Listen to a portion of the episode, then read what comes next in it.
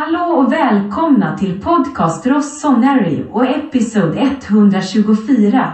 Fullt schema och 110 minuter nilansnack där vi välkomnar tillbaka vår svenska legend i Zlatan.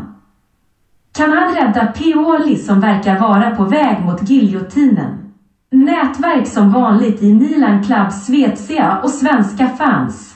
Gå in där för ännu mer Milan-information, bland annat en kommande Milan-resa i maj. Vi trycker på record och släpper in korna på betet. Jag ska att Ni är ju... Ja. Mackan, välkommen.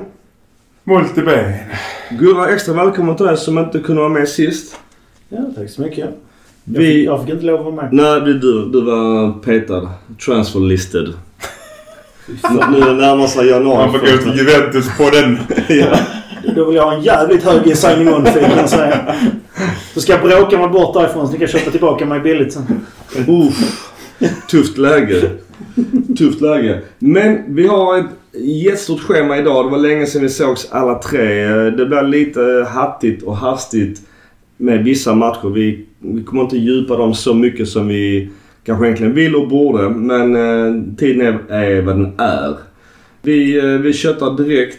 Det är inget officiellt. Jo, Är det det är det? jätteofficiellt. Det har kommit på Milans eh, officiella app. Jaha. Ja.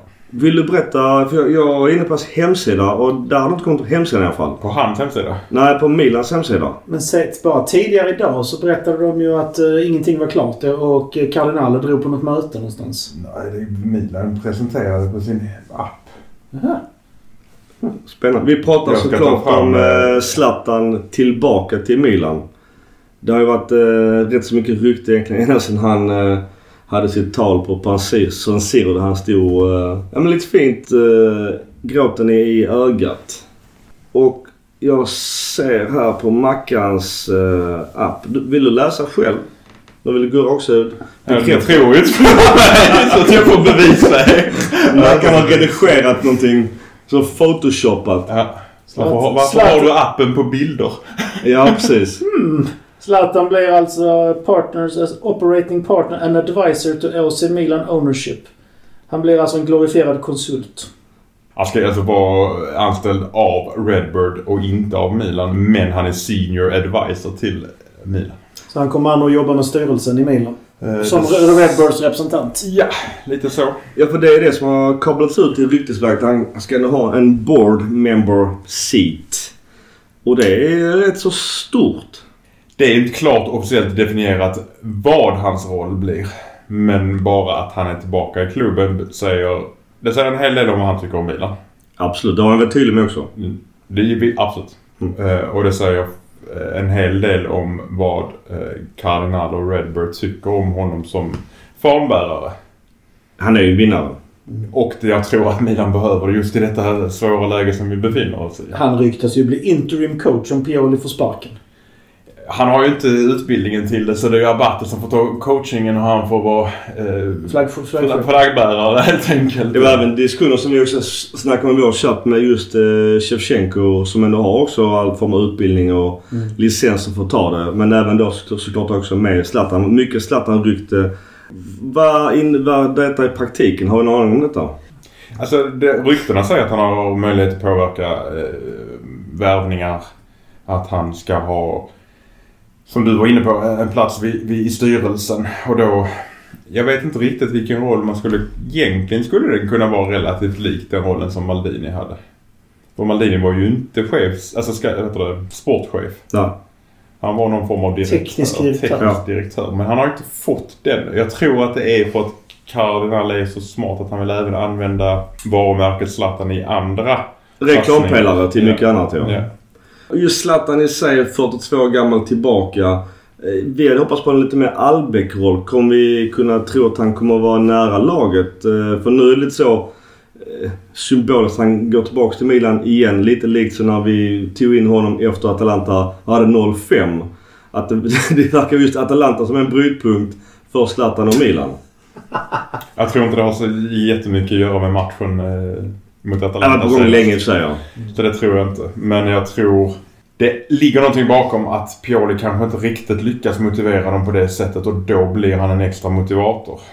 Det, det har vi ju saknat uppenbarligen. Har vi- Jag tycker vi saknade faktiskt när han var skadad länge. Jag håller med.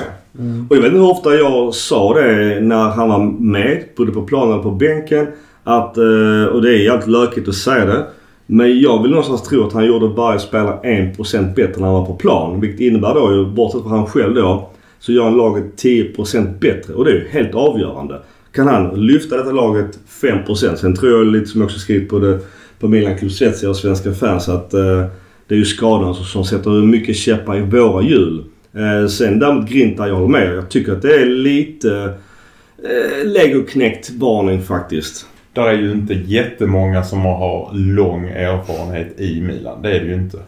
Är det Hernandez och Calabria som har varit där längst nu? Calabria är givetvis längst om man ser till ungdomsåren. Men det är ju inte som det grande Milan så att säga. Om man tänker på den. Ja, dit är det långt kvar. Dit är det långt kvar. Ja. Och jag tror inte vi kommer, vi kommer aldrig hamna i den situationen i modern fotboll att du har spelare som Maldini som spelar hela, hela sin karriär i en klubb. Tyvärr inte. Det, vi hade hoppats på Tudali, inte för att han började Milan, men, men ja. Det andra fem. Vi är såklart, eh, utan att ställa frågan, väldigt nöjda med att han är tillbaka. Det har vi önskat och tjatat på egentligen sen han lämnade stort sett. Men då är frågan någonstans... Eh, han har ju goda relationer både med Abate, de är ju personliga buddies ju, men även då med Pioli. Då är det också diskussioner och frågan då, kommer han... Eh, jag ska inte säga undergräva Piolis status men eh, kan det finnas en risk att det blir eh, prestigekamp dem emellan nu när Zlatan inte är spelare eh, utan han har en helt annan roll i klubben än tidigare. Alltså mellan Zlatan och Pioli. Ja. För Pioli hänger ju på repen och det är liksom som man sagt hur, hur länge kommer han, kommer han överleva Newcastle? Alltså, jag tror ju att Zlatan följer klubbpolicy där.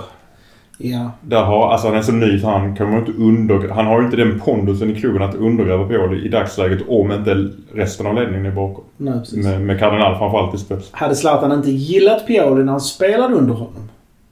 Då hade han säkerligen gått in med den inställningen. Då hade det sett som, som anledningen att han tog in honom i princip. Precis. Han är inte känd för att hålla käften Zlatan direkt. Så gillar han inte det han säger så kommer han ju säga det. Och det är lite jag tänkt på tidigare. Eh, vår gamla favorit i Bobban. Han är också en person med mycket kunskap, erfarenhet och utbildning. Han är inte en som inte säger vad han tycker. Det passade ju inte alls med dock tidigare med eh, Ivan. Jag tror inte Bobban och Gar hade gått jättebra ihop. Problemet med Bobban var ju att han gick bakom ryggen på sin egen chef. Det var därför han fick gå. Båda gick bakom ryggen på varandra. Jo men som chef har, får du ju göra det. Det är, det är lite Det är skillnad. nästan ditt jobb. Ja, som ja, chef. ja. Mm. Men min poäng är ju någonstans att eh, hur blir en eh, diskussion mellan Gary, ledningen, Fulani har lite nästan så idolrespekt för Zlatan. Så han kommer nog ändå böja sig. Jag vill inte säga så men Forlan är en jävla nickedocka tror jag. Ja, det tror jag också. Om utan, alltså det låter ju hemskt kanske så utan att känna jättenoggrant. men utifrån vad jag läst så följer han ju till punkt och pricka planen som kommer högre uppifrån. Ja. Han är nöjd och går och mysa i sig. Han säger han är en administratör. Han går och myser och sköter det praktiska. Ser till att allting fungerar. Och jag tror Skapar han, inga vågor. och, nej, och jag tror verkligen att han har hållit på Milan som barnsben och därför är detta ett drömjobb för honom. Absolut. Jag, Såklart. jag hade också nickat och hållit käften och gjort vad som sades. Nej, jag menar, hade jag kunnat vara vattenbärare Ja, ja. käften Lätt. Ja men vi, vi tänkte vi tar den övergången. Eh, med tanke på just eh, när det kommer till Zlatan och de Maldini. Eh, han menar på att hans första halvår så gick han bredvid Leonardo och bara och lärde sig. Så frågan är, ska då Zlatan gå bredvid Fulani som inte har knappt erfarenhet eller då Moncada? Eh, och sen så för att glida över just till Maldini sig. Har ni, jag, jag har förstått att ni har läst hans intervju. Har ni några spontana åsikter kring Maldini, vad han sade? Alltså att jag önskar så inutav helvete att jag kunde italienska. Jag med.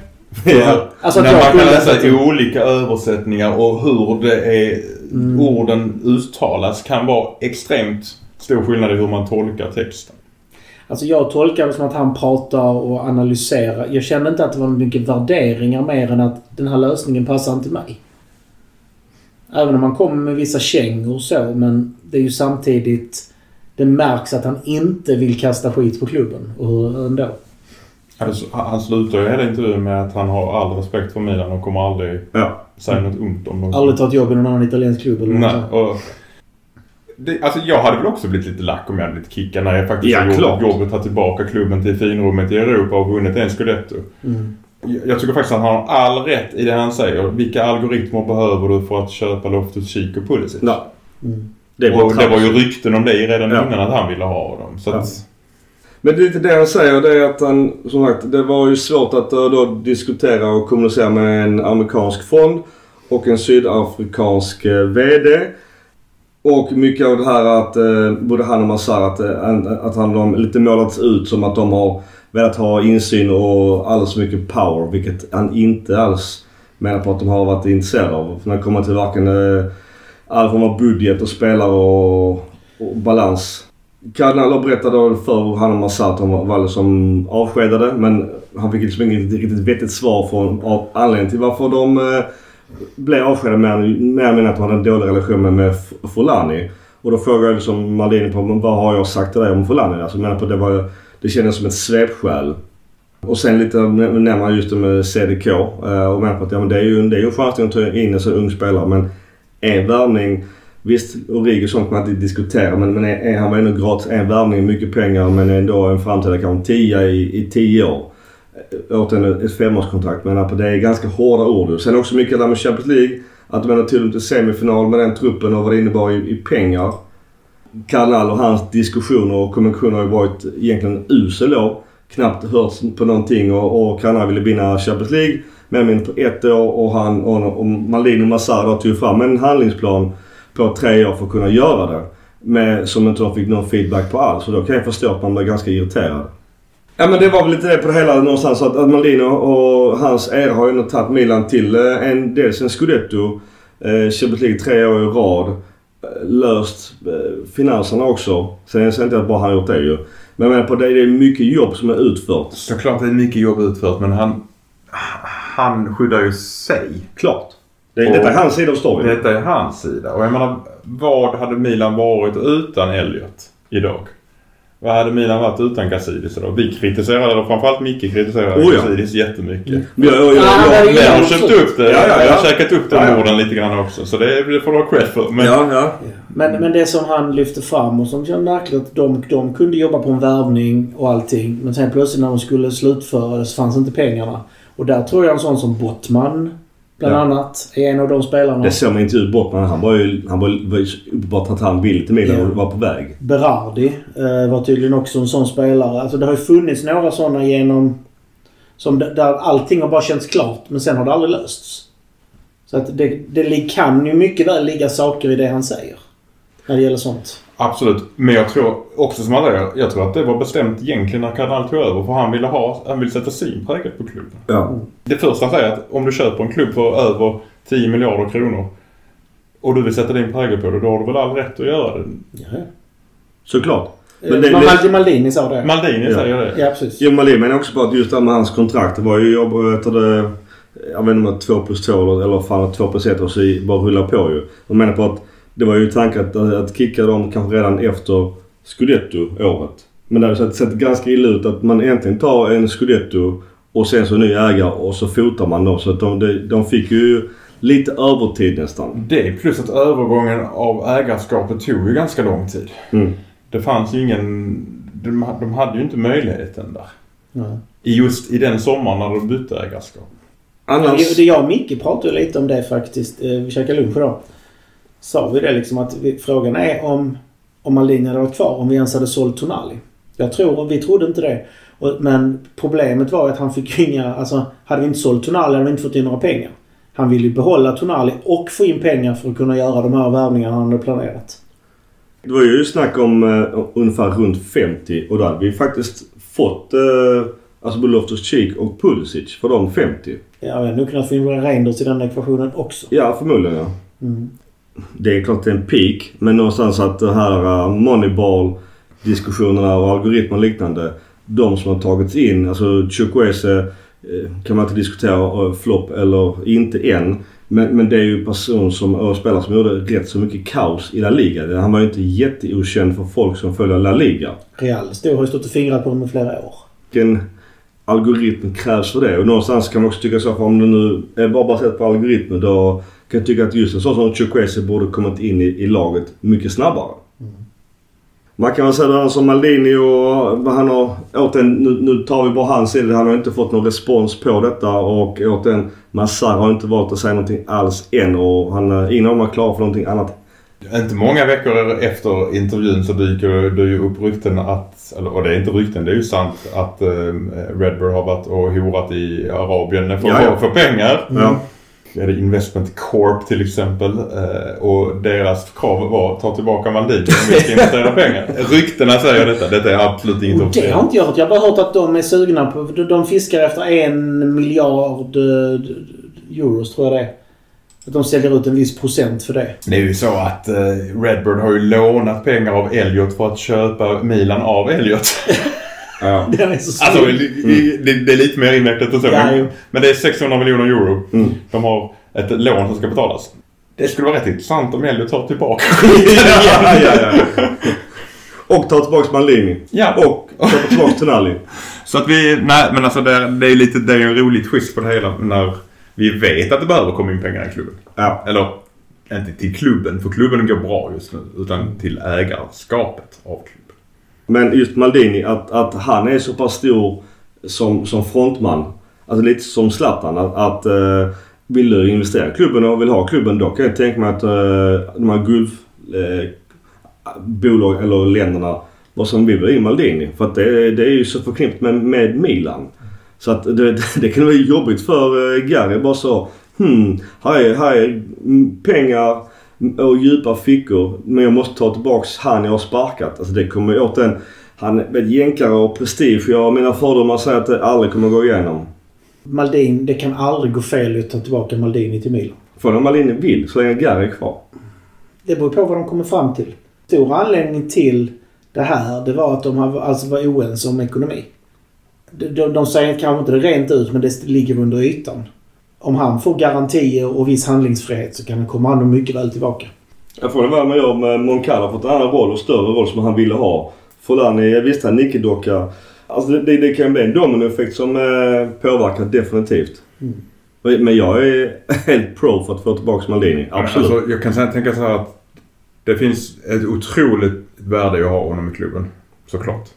Att det är inte helt enkelt eftersom han faktiskt inte... Han kan vara tyst. Men han går inte ut och dementerar grejer. Sen så kommer det lite senare hur han egentligen tycker. Och det... Jag undrar om eh, en investeringsfond vill lägga så mycket pengar och inte riktigt veta om man har honom bakom sig. Mm. Han var öppet kritisk kring Tottenham-matcherna. Det gick ju inte att missa på hans intervjuer i internationell Om press. man då jämför med Zlatan, som inte heller skräder orden alltid. Men om ni tänker efter, vad har, han har ju alltid hållit de rika oljeländerna. Han har aldrig kritiserat. Nej. Där är Qatar han var slip- 10 där är- plus. Ja, där är han slipad. Ja. För han vet att det kan betyda någonting i framtiden. Ja. Jag tror, alltså.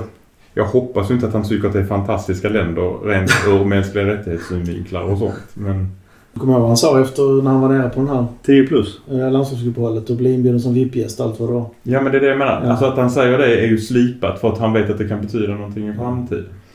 Fast han har eh, enormt mycket pengar. Men min poäng är någonstans hela att om man nu gör så med Malini, om man nu tycker att det är obekvämt. Jag vet inte. Bobban, visst det kan man diskutera. Men en Zlatan kommer inte vara mindre obekväm än en Malini. Det kan jag inte tänka mig. Kanske så första halvåret åt en se och lära. Någonstans okej jag, ska, jag ska i en annan kostym.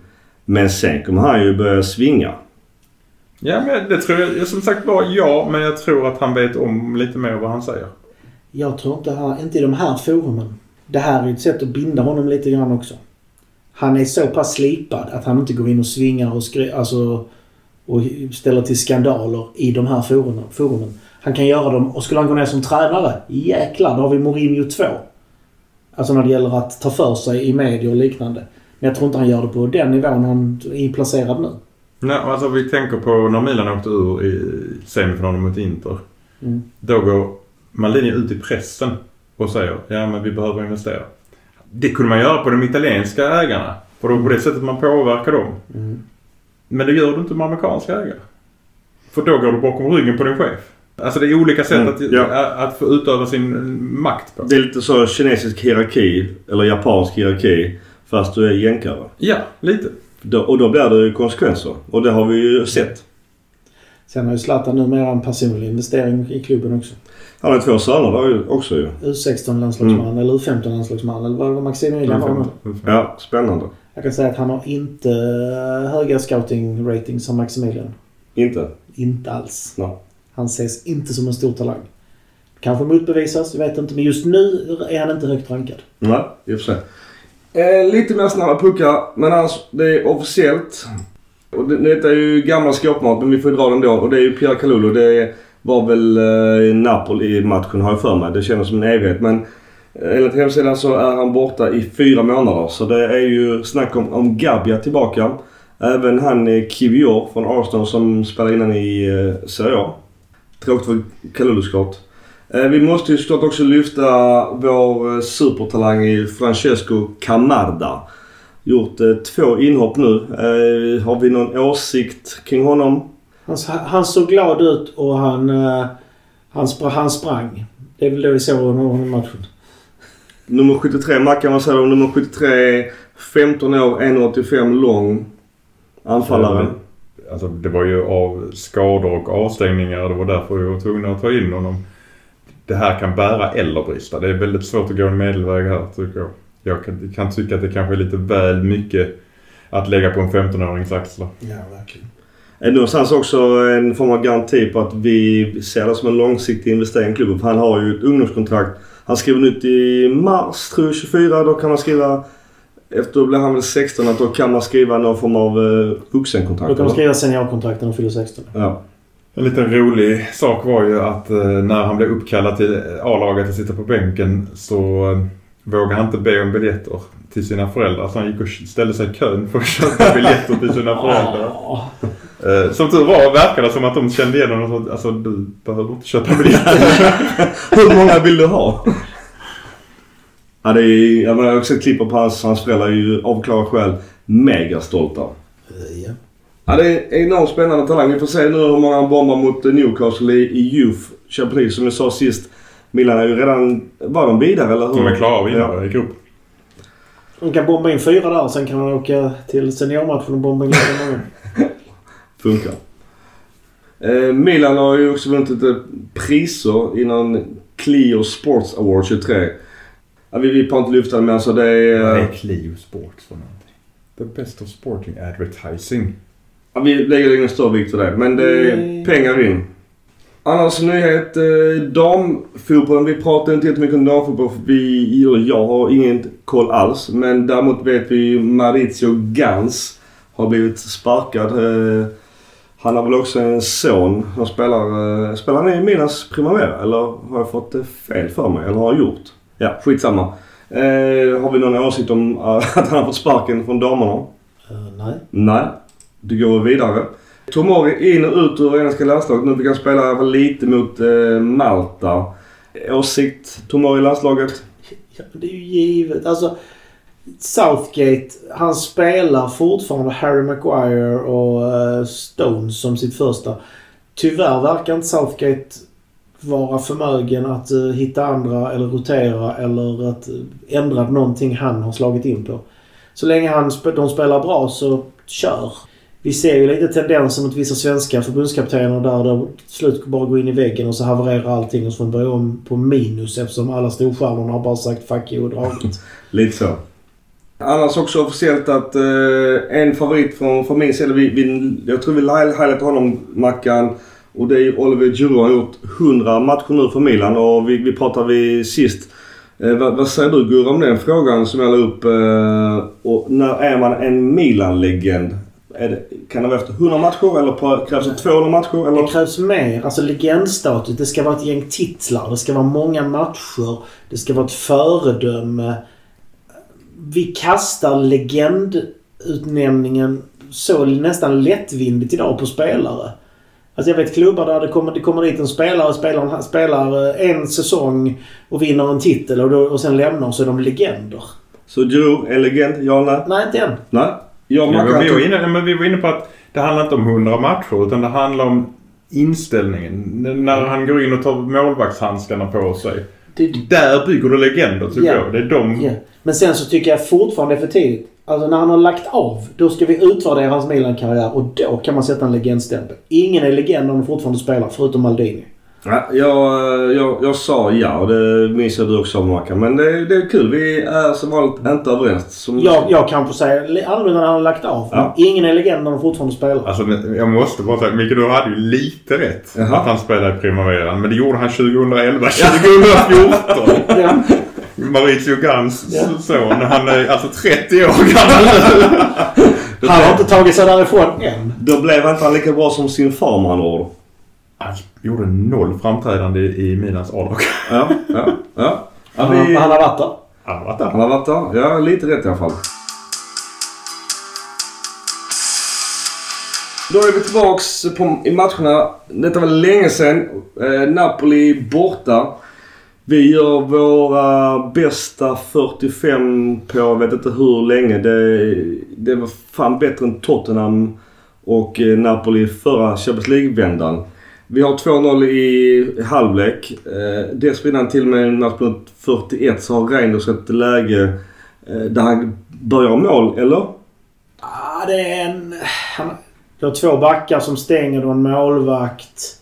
Giroud hade gjort mål. Giroud hade gjort mål. Ja, men för, med Reinders, alltså en klinisk anfallare gör mål där. Men att en eh, mittfältare inte gör mål där, det är jag inte så um, förvånad över faktiskt. Nej. Det hade varit jäkligt bra för honom att få göra mål just i den. Ja. ja.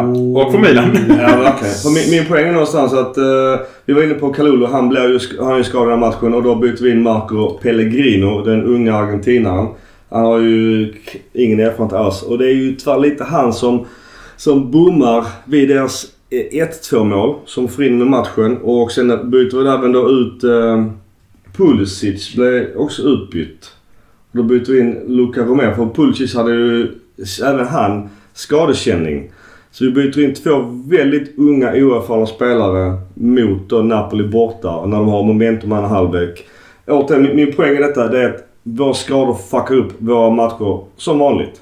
För den här matchen borde varit stängd efter första halvlek. Ja. Du, du touchar på ämnet och det är lika bra att ta upp det. Någonting är ruttet i Milan. Det är inte normalt att få den här mängden skador, den här koncentrationen. Nej, nu måste man börja göra analysen. Det har vi det medicinska teamet. Hur är träningarna? Framförallt hur, hur är backträningarna? Det måste göras en riktig jäkla genomgång. Varför får vi så här mycket skador? Och varför får vi fyra skador på samma position? Det är ett väldigt tydligt tecken på att just back, back, de backtränarna eh, gör något som inte stämmer. Man kan du var inne på att eh, Pioli, åter han kritiserar, han har en kompis som har varit med honom länge från... De är, alltså, läkaren, eh, lagläkaren och Pioli har ju jobbat ihop i 13 år. Så, och då, eh, det är inte helt enkelt att bryta eh, ett kontrakt med en sån kille. Jag vet inte, det är skitsvårt att sitta här och, berätta, och, och spekulera i vad de gör fel. Men någon, Men någon måste ju bära Någonting ansvaret. är fel. Ja. Så kan vi konstatera. Alltså vem som gör fel, det vet jag inte. Men jag ska säga medicinska teamet och backtränarna borde i alla fall utvärderas ordentligt. Det, är, alltså, det har ju varit mycket diskussioner om Milans spelstil, om det är det som gör det. Att man har extremt mycket maxlöpningar. Och att, För det är de att det är ja. farligt med ökningen mellan... Alltså mellan 50 till 80 procent är i princip harmlöst. Men det är det här mellan 80 och 100 om du gör det väldigt ofta. Ja. Men då Och måste, gör, övar man på det på träningen också. ja, men det är det, men då måste ju tränarna innehålla återhämtningsmoment så att de ruscherna på matcherna inte blir samma belastning. Och vi var inne på det, har varit inne på det förr, men, men Zlatan sa ju faktiskt när han spelar och blev skadad gång på gång på gång att gräsmattan är för hård på Milanello. Det är, alltså, är det sådana grejer då får man ju för fan fixa det. Alltså vad kostar det att ha spelare skador och tappa kanske fjärdeplatser, kanske tappa ligavinster och Champions League-matcher. Till kontra bara att lägga en ny jävla matta på Milanello. Det är ju Det är bara, bisarrt ta traktorn och sätta, sätta plogen och så dra upp hela jävla Ja. mattan och köra om det. För att återknyta till det här med maxlöpningar. Vårt försvarsspel bygger ju ganska mycket på att vi har snabba mittbackar. Där du måste göra maxlöpningar, ofta. Ja, för Gustav då, inte du Gurra utan Gustav på Svenska fans skrev ju en, eh, en krönika just där om Piolis taktik och spel om det kräver för mycket av spelaren. Vilket innebär då som du är inne på att det sliter, innebär skador och längden då fuckar upp våra resultat ju. Ja och nej. För att titta på medelåldern på vår, vår trupp så bör det egentligen inte vara något större problem. Den är ung man då. Ja, och om det är Giroud som är skadad jämt och ständigt så ja. Men så är han är inte. 37. Men Ja. nu är det 25-åringarna. Ja, Kalulu är inte ens det tror jag. Nej. Skador. Jag, jag tycker någonstans att jag, jag förstår det här du var inne på. Ja, men, en han har hållit Pioli i handen i 14 år och det var väl någon, någon sekvens, kommer inte ihåg vilken match det var, när han gick eh, ut eh, med någon spelare och nästan så log ju. Eh, den här physio eh, head coachen då för det ju. Fast sådana grejer, det är ju Ja, jag vet. också dra De- några ja. växlar på det. De kan ha dragit ett internskämt spelaren Ja. och honom. Det Men min ju. poäng är någonstans att då, då, då, då kablas ut i alla fall en bild på vem fan är den här snubben som är den här fysio. För du vet annars skvallrar på dem i vattnet i, i, det, i, det, i barnbassängen. Syns ju inte. Men nu blir han ju en, en bild för alla Milans skador. Det är klart som fan nu, nu med Lupp bara så. Han måste fucking dra. Kicken deluxe. Fast det är också fel om det är träningssättet det är fel på. Då är det inte läkarens fel. Då måste det vara Pioli. Eller andra coacher kring Pioli. Ja. I slutändan ligger det ju faktiskt på Pioli. Och jag tycker någonstans också ledningen då och Gary med flera. Då Fulani om han är milanist som barspel och ser att vi spelar nästan, ja men åter nu matcher där vi inte har två mittbackar på plan. Alltså någon måste ju få fingret pekat mot sig bara så vad fan händer här? Någonting behöver göra- göras annorlunda. Jag antar att det redan är gjort. Ja, För att annars är det så oprofessionellt. jag håller med. Men resultaten är ju tyvärr de samma. Vi hamnar i att man kan ju inte förutse att det här ska hända. Som ny ägare. Man skulle kunna delvis se det på resultaten eh, med Pioli. Alltså ska, alla skador vi haft under Pioli är rätt så mycket. Mycket Så skador. någonstans kanske man skulle analyserat det när man köpte klubben och direkt var, varför. Med tanke på att man har algoritmer för allt annat. ja, dessa jävla algoritmer. Precis. Eh, det är ju ett jävligt snyggt mål av Politano måste man säga. Tar den, vänder upp den och drar in den. Alltså den är... Alltså det är ett jättefint mål men det är faktiskt dåligt Det försvarsspel. är jättejävla Alltså försvarsspel. det, han ska ju aldrig få komma Kalul hade ju inte gått med bort på den ju. Vi har chanser på chans på chans. Men här, momentet är ju tyvärr eh, Napolis. Ja, och sett över två halvlekar så tycker jag inte det är orättvist. Sen är den här frisparken då, Raspadori gör ju svinsnyggt. Super-Mike ställer upp muren rätt. Kanske lägga upp den bilden i, i kommande avsnitt på Facebook. Men eh, den här bilden tycker vi eh, att han ställer upp den rätta. Nu är det ju en, en jävla bra frispark eh, som Raspador gör. Den är hård, den är välplacerad. Den är ändå i Mikes hörn.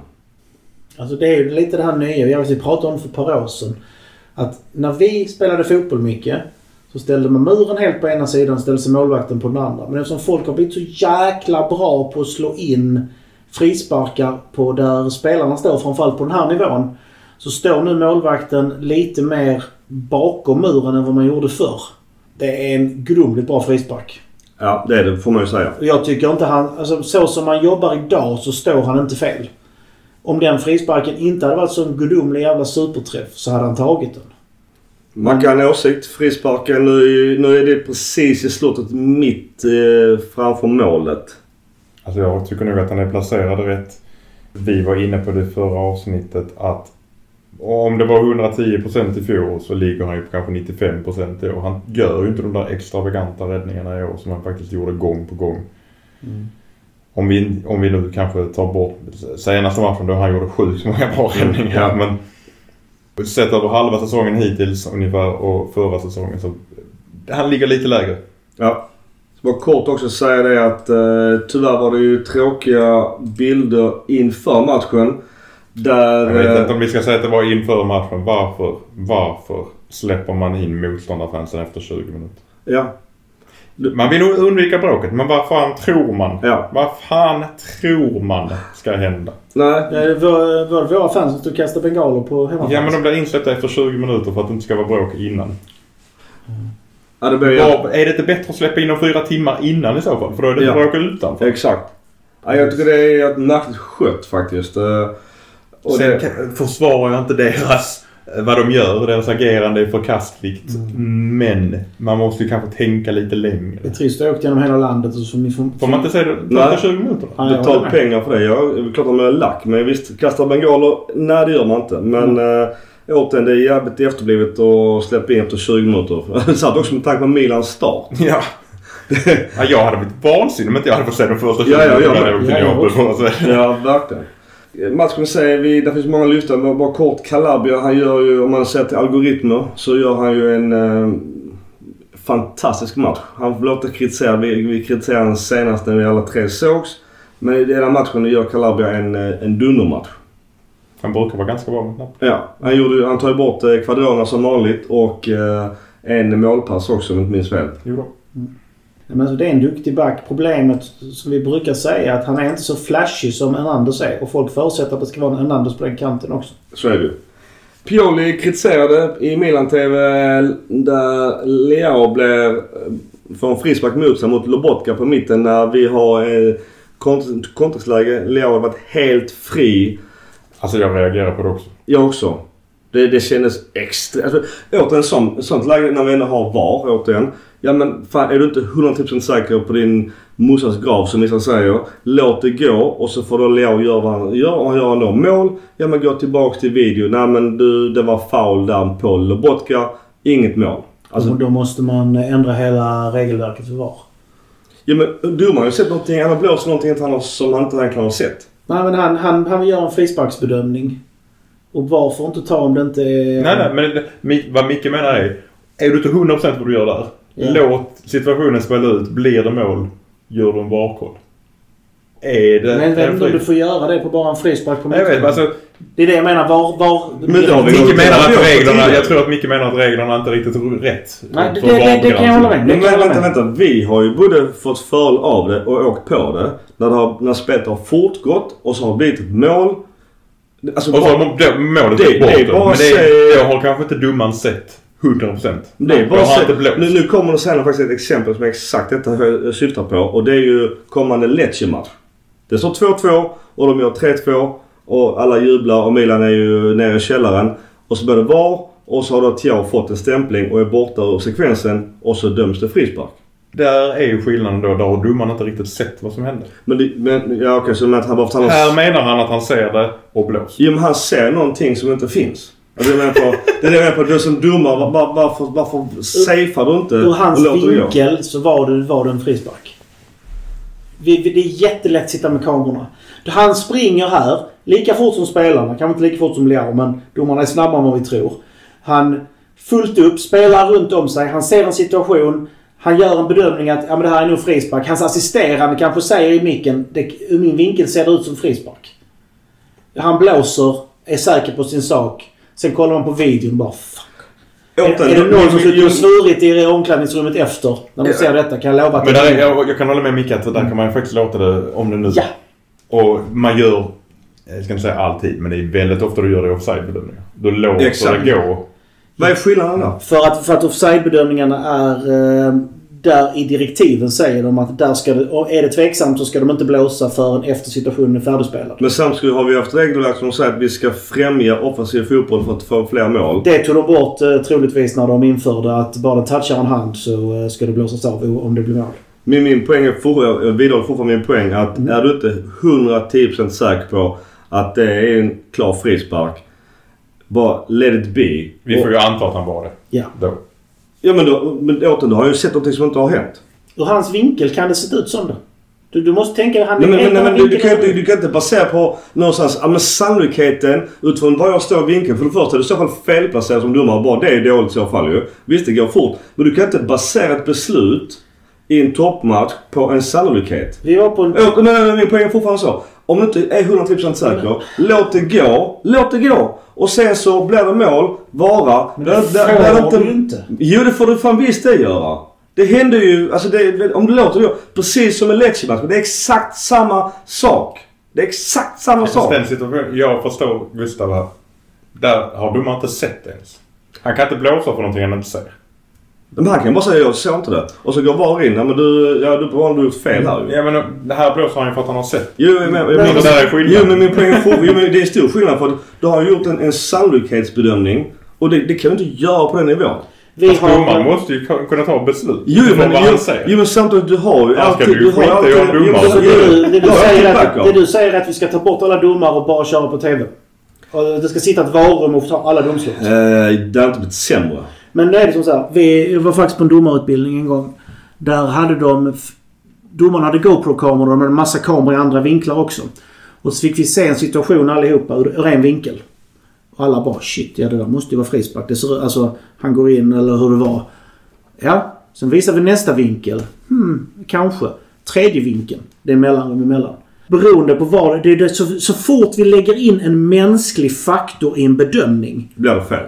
Så finns det en, fel, en fel, risk för felmarginal. Ja. Innan VAR var 92-95% av alla domslut och offsider korrekta. Mm. Det var det- ja, det- procent som är jävligt fel då. Kan Ja. vara avgörande fel. Jo men... Men, men det dög Jag är inte. jag är inte okej med det. Nej, men, jag är men, inte okej nej, med men det. det dög inte. Och det införde vi VAR. Nu har vi en i princip 100% i offside-bedömning. Och det andra ligger kvar på ungefär samma siffror. Lite högre. Mot vad det var innan. Vi har så, så få procent vi leker med. Ja, Men jag är inte okej med det ändå. Nej. Men du kan aldrig få 100% så länge du har en människa på planen som dömer och ska Nej. ta beslut. Och det är jag med på. Återigen. Hade jag varit domare. Mm. Hade jag bara så. Ja vad fan jag är inte 100% säker på detta. Eller ens 110. Alltså återigen. Som Beatles sa. Let it be. Och sen så om jag fuckat upp de där målen. Ja men då får fall VAR rädda mig. Det är det VAR inte får. Men då får man det kan man ju lösa. Det är en annan sak. Återigen. Lecce räddade oss ju. Han skiter i att blåsa. Det blir ingenting av det. Alltså ingen mål. Ja då är det ingen fara. Om det nu skulle varit en frispark, vad tycker du Napoli tycker då? Ja det, det är egentligen Det skiter jag du i. Jag fattar jag. Ja. Men, men Ja men alltså, återigen, då har vi tillbaka till felmarginalen. Att ja, vi får vara okej med att det är 5% felmarginal. Och, och det, det var väl någonstans, ja men kompensation från eh, tvekig frispark som ni har 2-2 på. Alltså vet, nu, om nu domaren väger in det.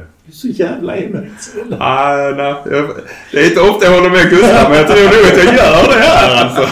Fair enough, jag bröstar den. Eh, på tal om Napoli, om vi bara slutför den matchen. Att eh, inte där och då, men eh, idag är ju Walter Mazzari tränare för Napoli. Innan så att Rudi Garcia fick spark. Han gjorde 16 matcher, 1,75 poäng i snitt. Åsikter om att man sparkar tränaren mitt i säsongen. Nu är det Lite så parallellt till eh, Pioli som hänger på repen. Hur ofta lyckas eh, vända skutan? Om man gör det innan fallet blir för tungt så kan en ny säkerligen rädda det och knuffa upp det. Har det väl havererat så är det mycket svårare. Det är därför jag säger vänta inte för länge om man nu ska byta ut Pioli. Men här kan man nästan se det som klokt av Napoli. De ser att nej men nu har, det har vi har börjat tappa. Vi måste få någonting som händer. Byter de tränare, kanske gör en, två värvningar i januari och sen så kanske de kan hoppa upp ett, en bit. Jag tycker det är klokt om de kände att eh, det var på väg neråt. Jag tyckte det var oklokt att värva Garcia från början. Jag med? Det är en annan diskussion. ja. Nej men alltså, Ja. jag, Jag när, har, när har Napoli spelat bäst fotboll? Jo, när de spelar Sarri-boll eller under Spalletti. Det är inte jättestor skillnad på den, den fotbollsfilosofin. Garcia har en helt annan fotbollsfilosofi. Eh, när du har blivit av med i princip en bra spelare på Kim. Varför tar du in en som ska spela någon annan sorts fotboll helt plötsligt? Det är lite som att titta på nu landslagsryktet att Henrik Larsson kanske ska bli tränare. Och lite samma som Rudi Garcia. Men titta på tränarsavet. Det är så jävla oimponerande. En klubb som Napoli eller svenska landslaget. Alltså det får ju vara, det får ju vara lite titlar och lite bättre på medaljörerna. Än, än att bara säga nej men det, det där kan nog bli bra. För att det där är en, jag vet inte vad. Moneyball. Vi har pratat om det innan. Bara, när du ska byta en tränare mitt under säsong. Då ska det vara... Visst, det kan vara katastrofalt. Jan Paolo var katastrofal i Milan. Att vi tog in en, egentligen bara en kortsiktig lösning i Pioli. Det var rätt.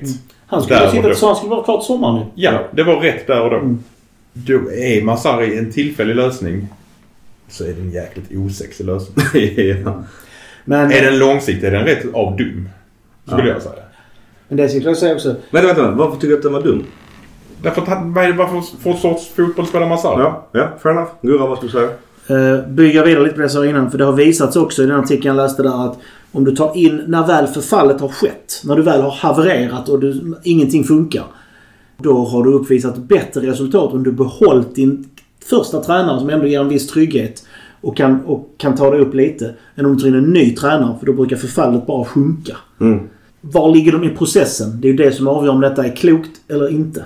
Ja, vi kan ju egentligen pissa helt på Napoli. Frågan är ju alltid...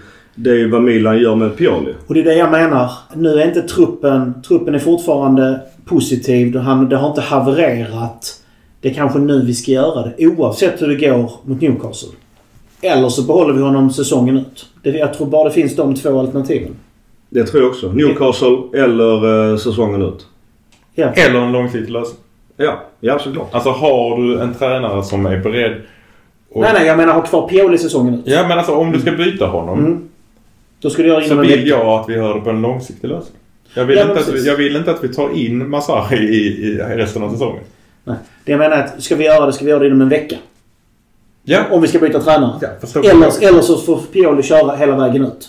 Mm. Men det, det jag försöker Ja, och- säga är att ja, de här jag med. tillfälliga lösningarna Mm. brukar inte vara bra för att alla spelarna vet att det är en tillfällig lösning. Ja. Nej, nej, nej såklart. Tar vi in en ny tränare så ska det vara Jag en vill ha en permanent. långsiktig, att vi Ja, vet ja. att den här killen kommer få tre år. Mm.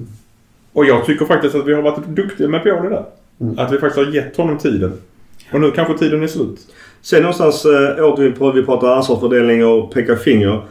Är det rätt att peta eller sparka Pioli när eh, det kanske är någon annans fel och sätter skador? Eller är det han? Ja, nu bär han ju stort huvudansvaret. Så att skador i, sig ligger någonstans på honom också. Alltså Pioli har uppvisat... Han har fått med sig en hel del men det har ju ändå... Det har ju oftast, vi har oftast kritiserat att det saknas en plan B, en plan C, en plan D.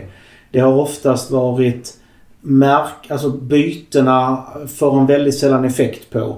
Alltså det har varit många sådana exempel. Om du tittar bakåt. Nu har det gått bra. Eh, vi vann Scudetto, vi har gått bra i Champions League och sådär. och det ska han ha cred för. Men har, har det skett trots eller tack vare? Och nu tycker jag vi börjar säga att någonting hackar. Hackar det rent taktiskt? För det som jag säger eh, svingar ju på svenska fans bland folk. Det är ju nog ingen som är pro Pioli. Men taktiskt sett när han pratar åt den på presskonferenser har han ju sin plan A, B, C. Det är ganska tydligt och ganska klokt. Men däremot så, återigen som jag sa, Reinders bränner det som ett läge som är hur bra som helst. Mike, om man ska diskutera hans målvaktsposition. Pellegrino, hans agerande som mittback. Romero. Alltså många grejer påverkar resultatet i sig. Jo men med den logiken skulle, aldrig, skulle en tränare aldrig bli sparkad. Ja, men det är det är alltid han, spelaren som gör men han, han har såklart alltså, alltså ansvaret. Han bär ansvaret och då får han äga det också. Det jag menar på, det är många sekvenser som hade kunnat påverka resultatet ganska annorlunda. Men så är det alltid. Och min, min, min poäng är någonstans att jag undrar någonstans vad Milan hade varit idag om man hade haft betydligt färre skador. Alltså se på internet, det känns som de aldrig har skador. Och, och bara rulla på. Nu är de jävligt bra men trots att de tyvärr har ett jävligt coolt transformsmärke på sin matchtröja här nu i helgen. Men fan, jag tycker det är någonstans att jag, jag, jag, jag sparkar gärna Pioli om man har en full trupp och inte levererar resultatet. Då bara så, get the fuck out. Ja, Nu, nu, nu känns det bara så, fan tänk om. Jo, men eh, som du är inne på där. Men om, om, man, om man alltid ska säga att ja men tänk på detta, tänk på detta. Spelaren kunnat göra mål där, han kunde missat där, han kunde räddat där. Då skulle ju en tränare aldrig få sparken. För det är alltid spelarna som inte gör de extra målen på planen. Ja, men det kan ju också vara om det är en schism i laget. Alltså, Ja, det- ja, ja, ja. Nu verkar ju Pioli vara en Uppför. mysgubbe. Mm. Så att, ja, vi, ska, vi får se. Det är ju Men bara eh, snart. kommer vi, kommer vi ta upp när Calabria blir utbytt förresten? I vilken match tänker du? Oh, vilken var det? Han kastade lagkaptensbindeln. Jo, han nu sist när han...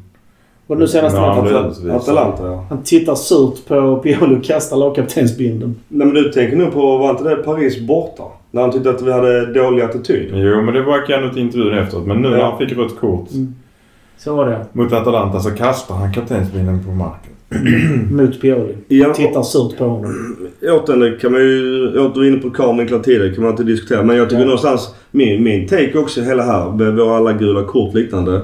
Att eh, lite som vi pratade, som jag sa med Moises Keane, Juve-matchen där vi fick rött ju.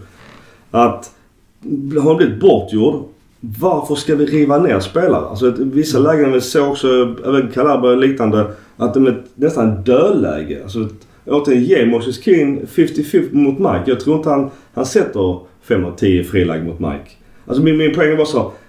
Varför tar vi massa kort? Röda, gula? Eller bara så, är det bättre bara låta det gå och se vad spelet blir? Än bara fan jag är bortgjord. Du måste riva ner en spelare. Ja, det är ju klantigt. Det är klantigt och som sagt var det beror en hel del på hur vi spelar försvarsspel. För att vi är ju ofta en, en mittback mot en anfallare. På grund av hur vi, vi har hög press, försöker ställa hög press. Och det här är ju Piolis taktik ju. Problemet är när vi har hög press och där är ett väldigt stort mellanrum till backen. Då har du aldrig någon som ger understöd till den ensamma back. Ja. Vi lämnar Napoli. Udinese hemma. Udinese har inte vunnit en enda fucking match innan de möter oss. Vi spelar ju riktigt pissig fotboll. Eh, jag såg matchen med mina nya kompisar i Göteborg på Pitchers där. Jävligt tråkig match en lördagkväll. Min eh, stora besvikelse är ju Adli. Han är ju nere i straffområdet. Jag, jag tycker Adli är något ganska... Eh, jag tycker han är bra med bollen. Defensivt. Jag förstår någonstans varför inte han spelar mycket. För att han är ju... Visst en offensiv spelare från grund och början. En, en tidigare tia. Men fan vad han är dålig defensivt. Kolla Han är lite valpig. Ja, men varför ska han in och peta i ett sånt läge där han inte är så nära bollen? Alltså det är ju en solklar stämpling. Är otajmad. Han eh, är fel i eh, löp... Alltså... Han är fel med fötterna i förhållande till um, var bollen är. Och spe- där är ju två Milan spelar kring Ja. spelaren så det är bara så... Ut, alltså, Han är- fotbollsintelligensen är ju låg. Han vill visa att han ska spela. Och hade han gjort en sån brytning där så hade han varit hjälte. Men han är så ung, oerfaren och otajmad så att han blir istället syndabock. Men han är inte heller 14 På tal, på tal om tillfälligheter som vi pratade om innan. Ja, Mackan, vad säger du om eh, Adli och, och straffen han ger till Udinese som sänker oss? Man kan väl säga mycket om den situationen men man kan väl säga mer om inställningen av hela Milan del, den matchen. Det var ju katastrofalt.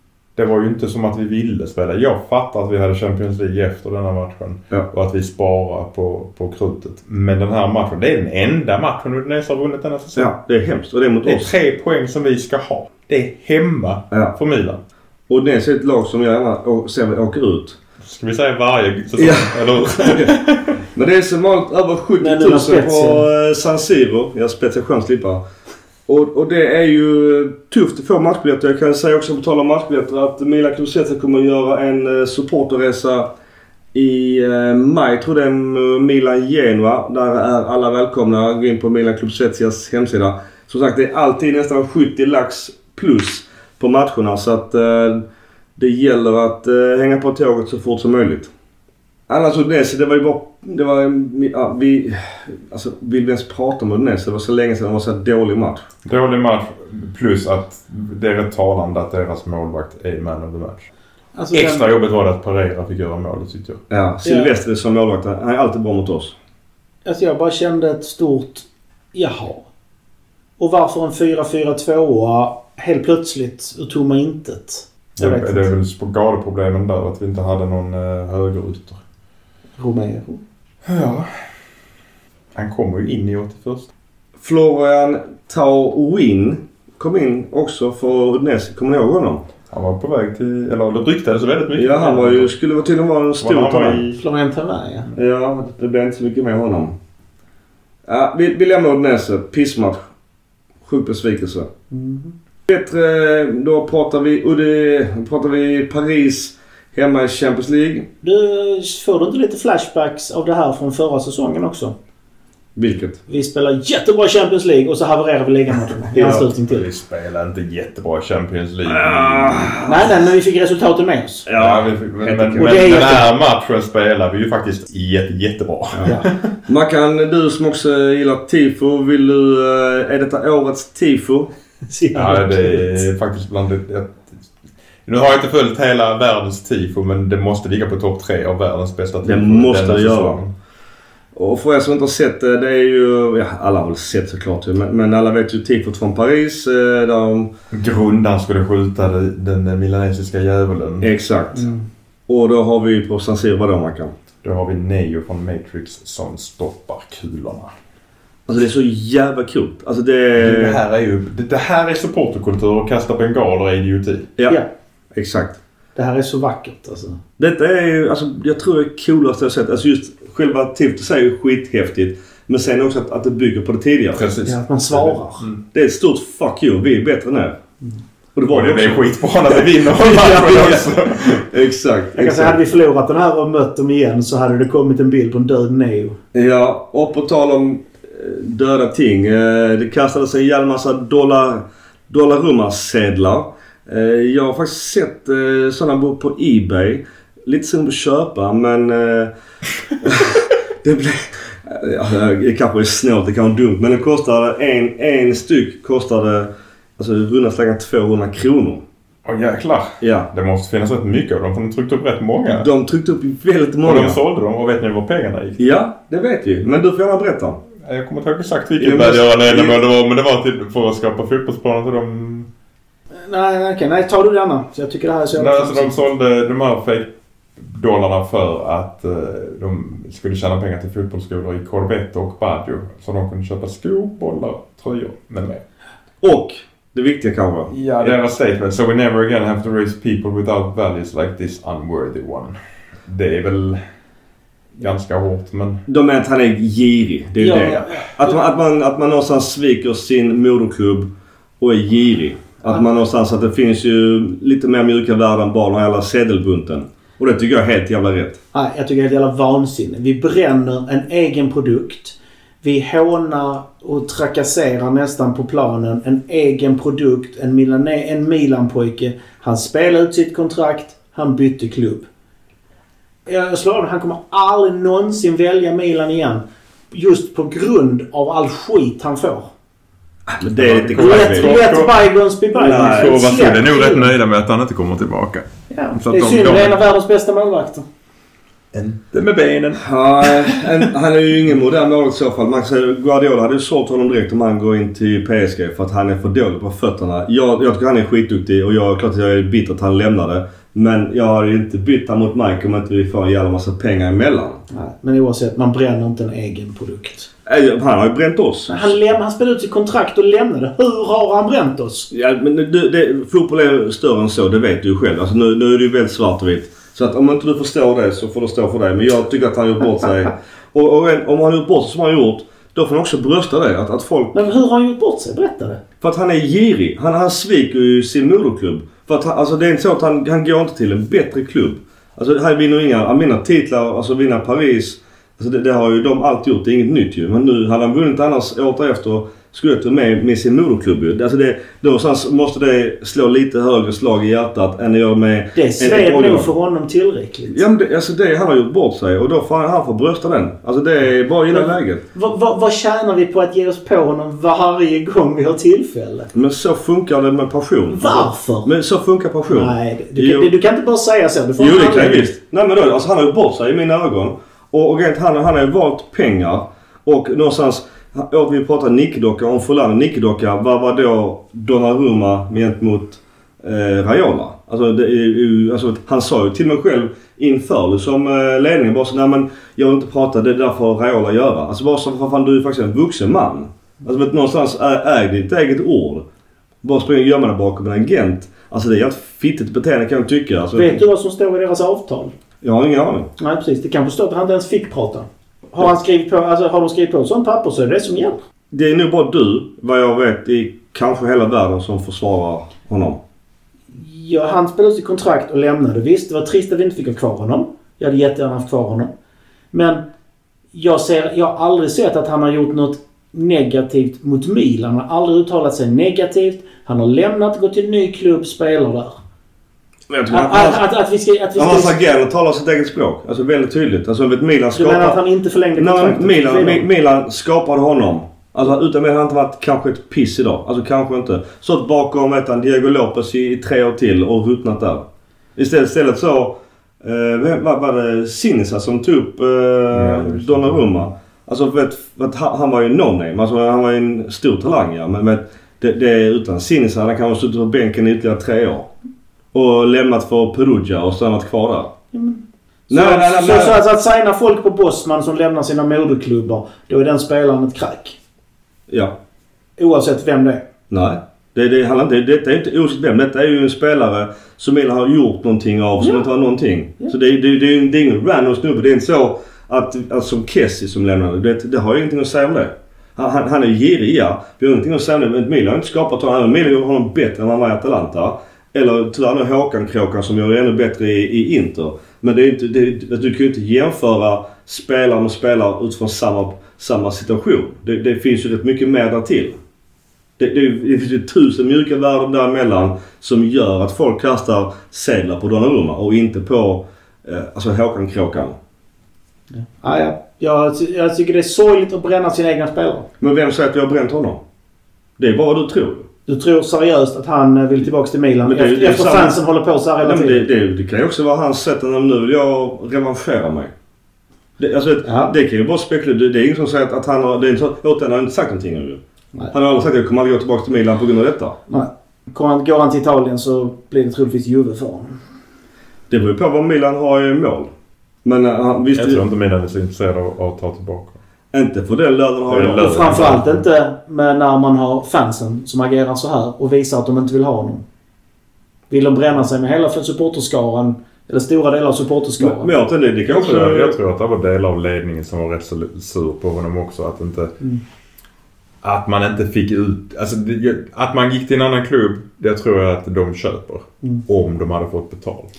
Jo men då borde ju Milan ha sålt honom Ja, redan innan. det kan de Men de fick ju inga besked. Kan Alltså, det de sälja honom? Om han inte vill bli såld. Du tror inte... Med, med den agenten så hade han gått med på att bli såld. Mm, men det, ja, det är svårt att veta för jag tror att vad, vad fick han i sign, signing on bonus? Alltså Raiola. När du slapp betala en övergångssumma. Ja, ja, ja. ja. Det, det är lätt att, att säga att det var Dollarumma. Men man får inte glömma bort Raiola. Nej, nej, nej. Alltså, De två ihop blev bara ingen bra grej för Milan helt enkelt. Nej, och jag är rätt övertygad att troligtvis har han skrivit på ett kontrakt som bland annat säger att Raiola ska sköta allting. Och känslor finns det ingen logik bakom. Tycker man att han var ett as så är det väldigt svårt att ta bort känslan. Men Raiola levde ju på det Det är ju Bosman ju. Han, han, vill ju att folk går som Bosman varje år. Han, kan, han vill gärna skriva... Det var det inte så att han ville att han skulle skriva typ ett ettårskontrakt där han skulle få 20 miljoner i Hela hans signing- idé var ju att... Ja, ja. Alltså, hela att du skulle var... köpa din egen spelare med signing on pengar vet du, Det är ju bara så fuck you. Såklart ju. Eh, nog om, om det. Eh, han stod. Eh, vi spräckte äntligen nollan och återigen det var ju fullt hus. Eh, det var mycket pengar in för de här 75 000. Hur mycket då Mackan? Du som är ekonom.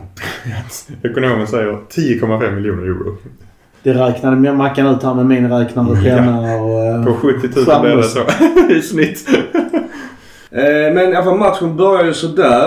Eh, redan efter nio minuter så missar de matchens lirare. Jag skrev om det var betyg eller fem snabba på svenska fans efter den här. Och Loftus Cheek var ju matchens gigant. Däremot, han har ju ingen koll på Milan Skriniar. Nej, det är lite tjänstefel att springa åt andra hållet mot Skriniar. Skriniar var ju helt uppe. Men inte vad Milan och eh, Pioli det läget har för hörntaktik. Men den är ju helt vansinnig. Sen är det ju sen en, jag menar, det är en utskrivad hörna. Vet inte om det spelar roll. Nu blir det ju en flickon på...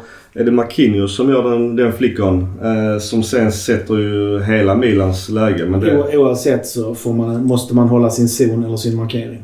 och det gör inte Milan. Där stod Calabria och skulle ha tre spelare helt plötsligt. Ja, det är fin. Han höll eh, två, så det var ju i rätt bra. Ja. Men det där med att hålla hörnor, det, eller hörnstolparna, det, eller det, det finns inte längre. Nej, man har gått över till eh, zon, en, en zonuppdelning. Men däremot, däremot kort efter så gör Leao vårt eh, första Champions League-mål. En, en cykelspark efter Donnarummas eh, bra räddning för det första. Där ligger ju go- gott om sedlar i målområdet.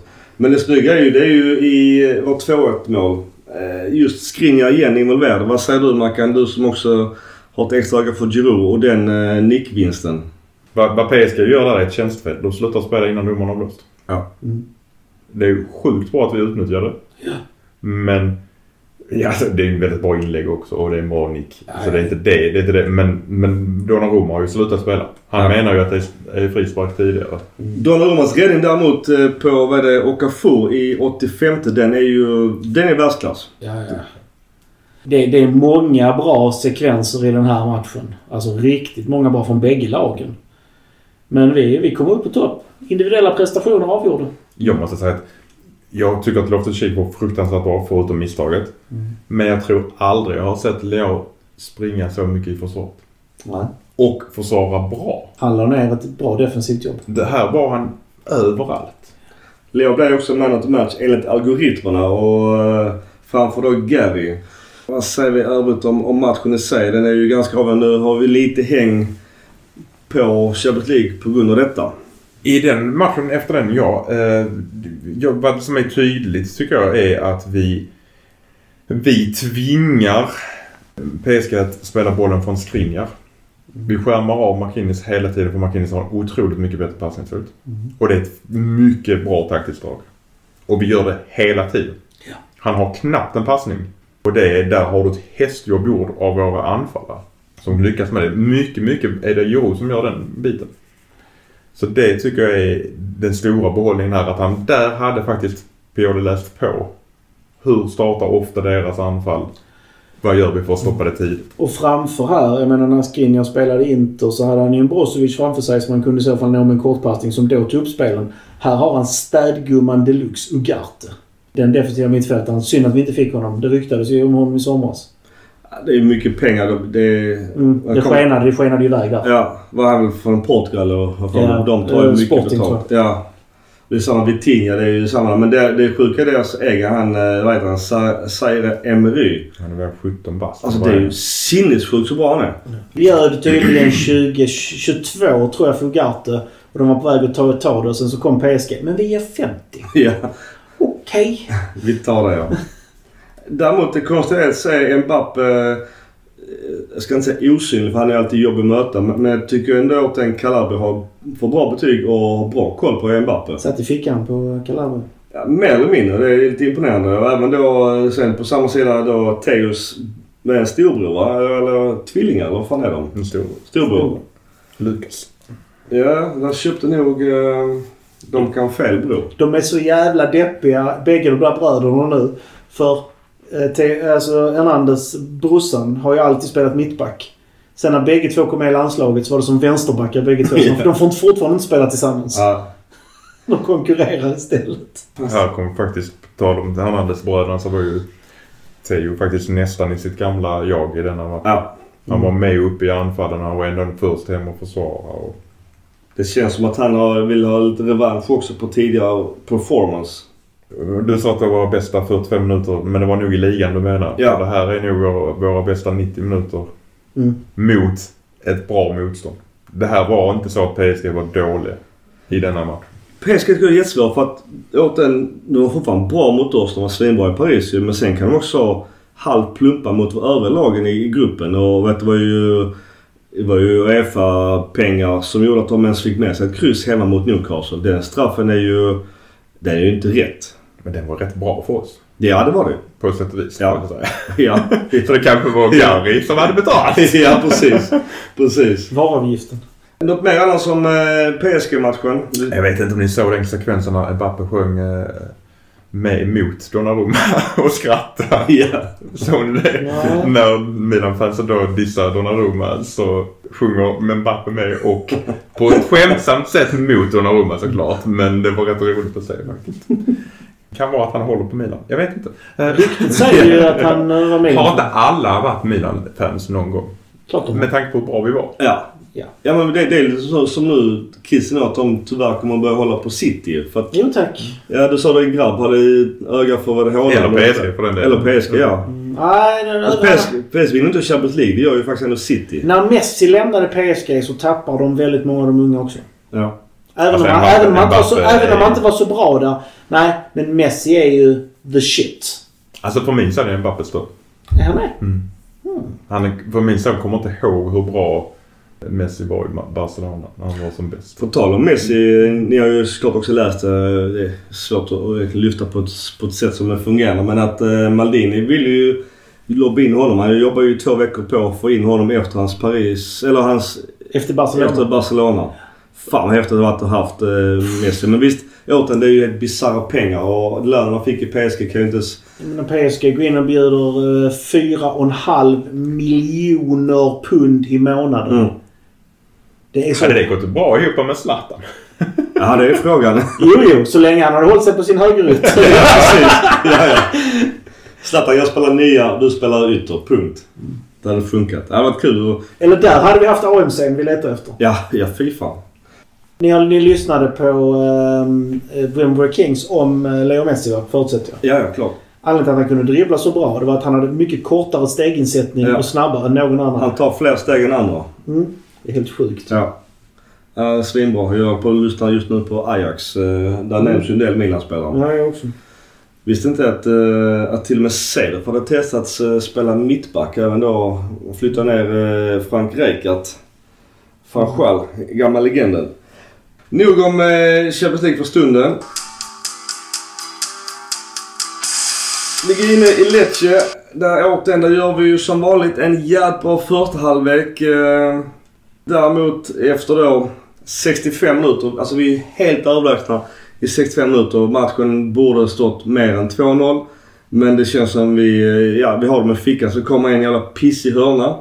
Och den här Milan-dödaren eh, gör mål på oss. Och där är det tyvärr Musa som, Musa gör en Loftus-Cheek. ja precis. Han gör Sprang min markering ditåt. Men då drar jag åt andra hållet. lite så va. Och vet det... Visst, den drar i nättaket. Det är otagbart. Men han insåg i alla fall att han gjorde fel. Ja, det gjorde han ju. Loftus Cheek tog det tag för att honom att inse. Ja. Men jag vet inte vad man, varför, åt en hörnor, varför markerar vi på det sättet? Sen en ribba in, det är typiskt men vi gör ju någonting fel på hörnor. Satt också ut och skruvade hörnor. Där gör vi någonting väldigt fel.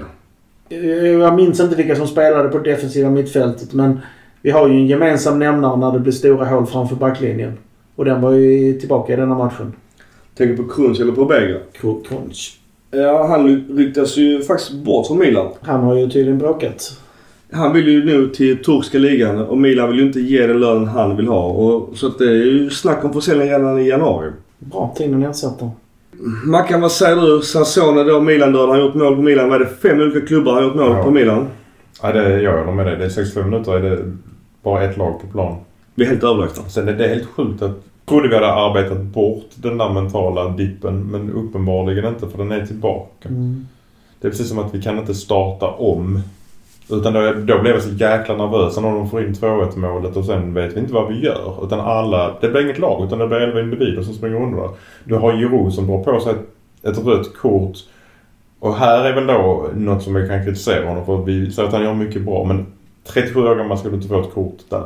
Nej. Nej. För snack. Verkligen inte. Alla snack borde ju vara minst en veckolön. Precis. Visst, vi hade många chanser. Vi borde kanske lett med kanske 4-0 efter första till och med. Ja, Men- Reynolds har en i virket. Så att, men det är att vi är ineffektiva. Precis. Banda gör ju också mål. Jag tycker ändå Banda var bra, jobbig att möta. Får rätt på sina fötter så kan han nu faktiskt bli ganska duktig eh, seriösspelare. Jag tror inte han spelar Lecce nästa år. Jag tror han spelar i en bättre klubb än så. Och jag har inte sett så jättemycket Lecce i år men frågan är hur, alltså hur han håller i den formen match efter match efter match. Det är ju en sak att vara bra en, två matcher men är du, är, är du bra tio matcher i rad? Det är ju det som kännetecknar de stora spelarna. Och det är den matchen vi pratade om tidigare. De gör ju 2-1 efter 66 och 70 2-2. Men det är att de gör mål på övertid. Långskott som är jättekonstigt. Där, där står ju tyvärr Mike fel. Men det är återigen, där räddar ju bara oss. Tack och lov. Stämplingen på eh, uh, Tiao. Precis. Jag såg ju den för att jag såg ju att jag inte kunde springa Ja, efter han det. var dog ju. Domaren såg ju inte det. Nej. Och det fattar jag för att han stod rätt långt ifrån den situationen. Det, Mm. och det, det är helt rätt att döma bort. Ja, de är ju nära att ha 3-2 också. Nick i ribban där. Vid stolpen. Men sen just Giroux frispark är ju... Eller kort, det, det är ju för att Milan ska ha frispark där ju. Och då har Milan frispark mitt i slottet. Ja, vi ska, På gå en fri, övertid. vi ska gå en frispark men det, det, han ska ju inte betala Nej, nej, nej. det. där. Nej. Som sagt, den ledaren han ska ha ska inte stå och skrika som jävla Men det är så tråkigt att den domaren... Alltså ett, Men du, alla kan göra misstag, även domaren. ja men det var ju dåligt. Alltså det, det var ju... Det, det är ju en frispark för Milan och som han domaren missar. Hade 3-2 målet... Uh, ah, vet du varför? Vet du vad skillnaden är? Detta är en direkt händelse i anslutning till målet. Det är därför den kan tas retroaktivt. Det Ja. andra är i ett uppby- en uppbyggnadsfas. Det är därför det inte kan tas retroaktivt. Du menar Napoli? Ja, där har du skillnaden i bedömningarna. Ja, men- Sen, sen, om det är rätt eller fel att ha de VAR-reglerna, det är en annan diskussion. Men det, det var ungefär samma situation med Napoli dock. Men ja, skitsamma. Vi ska inte älta det. Det hade blivit årets mål om inte det hade blivit bortdömt. Jäklar. Ja, men jag tycker ändå återigen... Jag tycker det är lite dåligt om man gör något inte... Antingen har han också gjort en Donnarumma slutat spela. Ja. För han tycker att det ska vara frispark. Men så långt ifrån ska du inte Men jag, jag, Nej. jag är ändå lite bitter för att återigen domaren då, Abisso, eh, hade han faktiskt gett Milan den frisparken som vi skulle haft då när Giroud tyvärr gör bort sig. Fine att han gnäller. Eh, nu säger inte jag att Milan gjort mål på den frisparken men det, det blir ju konstigt för att i sekvensen efter så blir den här eh, omställningen. De skjuter ett megaskott. Tack och lov VAR räddar oss ju. Men återigen att en domares misstag skapar en jävla massa konflikter. Och eh, ett gult kort. Visst, jag försvarar inte Giroud men, men Donnar- Donnarummas misstag kostade PSG matchen. Misstag får resultat. Det är bara att inse. vilket misstag? Han slutade spela när han tyckte det var frispark. Precis. Alltså, spe- Domarna- all, allas misstag, lika väl domare som spelare, ger effekter och konsekvenser. Det bara är så. Du kan aldrig få en 100% domare. Pissmatch. Ja, den också. Ja, det, är, det är ju två förlorade poäng. Även här ju. Har vi tur så är det den här, den här januariformen som vi hade förra året också. Så, och nu, men nu är den slut. Jag tror jag skrev det på Twitter. Eller X. Mm. Februari kom tidigt i år. Eller sent om man nu ska säga så. Ja. Tidigt i hela säsongen. Jo, men om vi får ännu en februari då. Med både november och en februari. Det Vi har ju... Ja, usch nej. Det är Sen inte får vi på spel. Vi går vidare fortfarande i uh, Serie A. Vi möter hemma Fiorentina 1-0. Straff. Teo blir fälld. Teo lägger straffen. Åsikt Mackan först. Straff eller inte? Det är straff. Gurra? Jäklar till straff. Jag tycker det är lite klantigt försvarsspel. Sen är det också imponerande att vår vänsterback är där uppe och fixar detta. ja. Men det är det jag säger. Han, han har ju i alla fall försökt ta lite mer offensivt ansvar. Mm. Varför gjorde inte uh, Teo straffen mot uh, Dortmund istället? Joe är ju alltid första Jag vet. Och du var ju avstängd Ja. efter Lecce-matchen med hans jävla röda kort. Det här var faktiskt en ganska underhållande match för att vara, bara bli ett mål på Mm. straff. Ja, och någonstans sett till tabelläget så är Fiorentina med. De ligger faktiskt eh, på en sjunde plats. Så de är ju ändå med i racet. Alltså de är tre poäng från en fjärdeplats. Så det, det är en bra skalp att ta. Eh, när de skjuter eh, Loftus Cheek i magen så den sen studsar på händerna. Då är det ju ingenting för att det studsar på, på honom själv. Matchen här, Jovic mot sin gamla klubb, att han har ju... Han var ju usel igen, ska sägas. Eh, Men eh, han gör ett jävla bra läge som han tyvärr bränner. Och det är också i den här matchen då just eh, Kamada kom in och gör sina... Han får ändå göra 10 minuter i den här matchen. Alltså man kan inte förvänta sig någonting av en kille som är 15 år. Det är ju helt annan inte nivå. rörde han bollen en gång Jag tror inte det. Jag tror inte Han det. sprang mycket så. Ja, man sprang och försökte döda ytor ju. Men, men här måste vi ge Mike i 97 Det är ju den stora matchräddaren ju. För hade vi bränt... Redan med ansiktet. Men hade Det- det bommat bra ännu en gång. Ja, men hade vi bommat ännu en trea i slutet då... eh, Då tror jag att eh, moralen har varit enormt låg. Spelade när jag var fotbollsmålvakt att de skönaste räddningarna ändå, det var de man, man tog med huvudet. Av den anledningen att jäklar vilken hjälte man blir. Och vilken adrenalinkick. Vi har ju glömt att prata eh, om... Det var ju i Lecce-matchen som Leo blev skadad. Nej? Jo. Och det har ju påverkat oss. Det har ju påverkat mycket. Hur lång tid är han borta? Vet ni? Han är tillbaka. bara tillbaka till imorgon. Ja, Ah, och kör full träning. Så det är jävligt... enligt Piolisk presskonferens idag kan han starta. Ja. Nice. Ja. Vad sa någonting om eh, Benazzo? Eh, där är någonting som gör att han inte... Han är inte, han är inte registrerad? Han är inte registrerad. Nej, jag På tror grund inte av att det var så lång skada. Ja, ah, just det. Mm. Så att han får registreras och... I januari. När, vi när, när, när vi nu går vidare så registreras han i slutet. Nu går vi vidare ja. Fiorentina hemma, Di Bello dömer inför 73 000 återigen. Det är över 70 per tusen på plats. Så att bygga den här arenan. Och det var också faktiskt Malin inne på att eh, just arenabygget, att bygga en arena. För det var ju snack där och då om 60 och det sa vi också. Det är ju helt vansinnigt när man har snitt på över 70. Och det sa ju Malin också väldigt tydligt att vi kan inte ha en arena som, som tar 60 när vi har eh, publik på över 70. Det var någon annan som sa det i den här soffan också. Ja men det var fan det kan väl Åsnan räkna ut också. Det går ju miste om 10 000 platser. Det är ju det är vansinnigt ju. Nej, jag, jag, jag, jag tycker vi ska bygga för 80. Ja, och i alla fall 75. Ja, men så man har marginal uppåt också. Ja, att man, att man kan bygga om den för mera. Gamla kompis Bonaventura gjorde ingen större match. En tidigare som jag tyckte var väldigt duktig. Artur är också väldigt blek. Annars, vem var säger om matchen? Chukwese som vanligt tycker jag. Blek insats. Om Här visar han ju ändå... Han hade några löpningar, han hade några dribbelräder. Alltså han var ju inte under isen. Har ni märkt det här är en sån spelare, desto mer speltid han får. Det märks att han är en spelare som behöver regelbunden speltid. Nej, jag märker faktiskt det? ingenting av honom. Jag tycker, jag tycker att jag Han ser... en bra grej mot Dortmund. Det pratade jag med Macron om sist. Jag, om jag klumpar Chukwese de här första 15 omgångarna. Hur mycket har han spelat av dem? Vi kan börja där. Han har spelat ändå 500 minuter i Serie A. Då tycker jag att man kan eh, utvärdera och nästan 160 minuter i Champions League. Så att jag tycker det är dags att utvärdera honom, hans 500 minuter i Milan. Pioli försvarar honom och säger att han kom in sent, han fick ingen försäsong. Eh, han har blivit skadad efter landslagsuppehållet och är nog inne på Gustavs eh, linje att han behöver mer speltid för att bli varm i kläderna. Jag har inte dömt ut honom men det är klart att den dyraste värvningen har man högre förväntningar på. Såklart, absolut. Jag tycker också med, men jag känner att... Alltså lite som supporter CDK. En försäsong innan, vad hade det gjort för skillnad? Det jag kan tycka är att han är lite väl enfotad. Så Det är ju Suso. Det är- jag tycker det är. Bara vänsterfot. Jag säger inte att han är bättre än Suso. Nu, annars är Suso väldigt bra väldigt ofta i Milan. Men defensivt är han ju usel. Alltså så här, om Leao är frisk så vet vi var han spelar. Ja. Om Det- både Pulisic och Chukwese är, är friska, vem hade... Jag hade satt Pulisic där direkt. Nio dagar i veckan. Ja, ja.